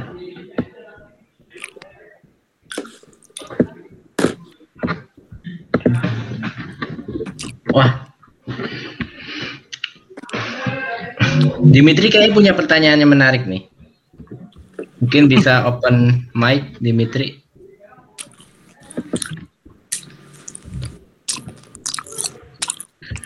Ini siapa yang lagi makan? Enak banget Stella. Makan ayam. Dado. Oke, kalau dado. Emang Kalau- quarter life eh? ini selalu 25, Cuk. Oh, Ya nggak tahu sih umur lu sampai berapa ya. Kalau umur lu sampai 60 berarti Rata-rata 15. umur Indonesia kan 60. Berarti seperempatnya 15 dong. iya dari umur 15 udah quarter life udah pikirin pajak, udah mikirin biaya Spotify. tahunan.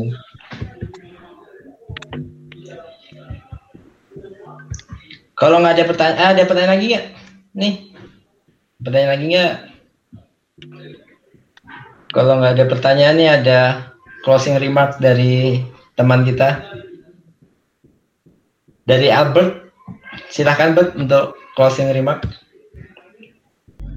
Oke, thank you ya buat Aden sama Zura ya yang udah jadi pembicara nih narasumber pada malam hari ini. Eh, kalau boleh di wrap up dikit kali ya, tadi ada nama Zura sempat mention beberapa hal. Gimana sih supaya kita bisa fulfilling hidup kita lah, nemuin tujuan hidup kita. Mungkin ya kita harus tahu tahu dulu kali ya apa yang kita pengen tuh apa gitu. Sama mungkin punya rasa cukup ya rasa cukup sama rasa bersyukur. Itu sih kayaknya yang paling utama ya. Jadi kalau misalkan kita masih bingung coba kita cari dua hal itu dulu deh gitu ya bareng-bareng. Eh, oke makasih juga nih buat teman-teman yang udah sampai jam segini gila. Mantep banget rame banget podcast hari ini pokoknya. The best lah.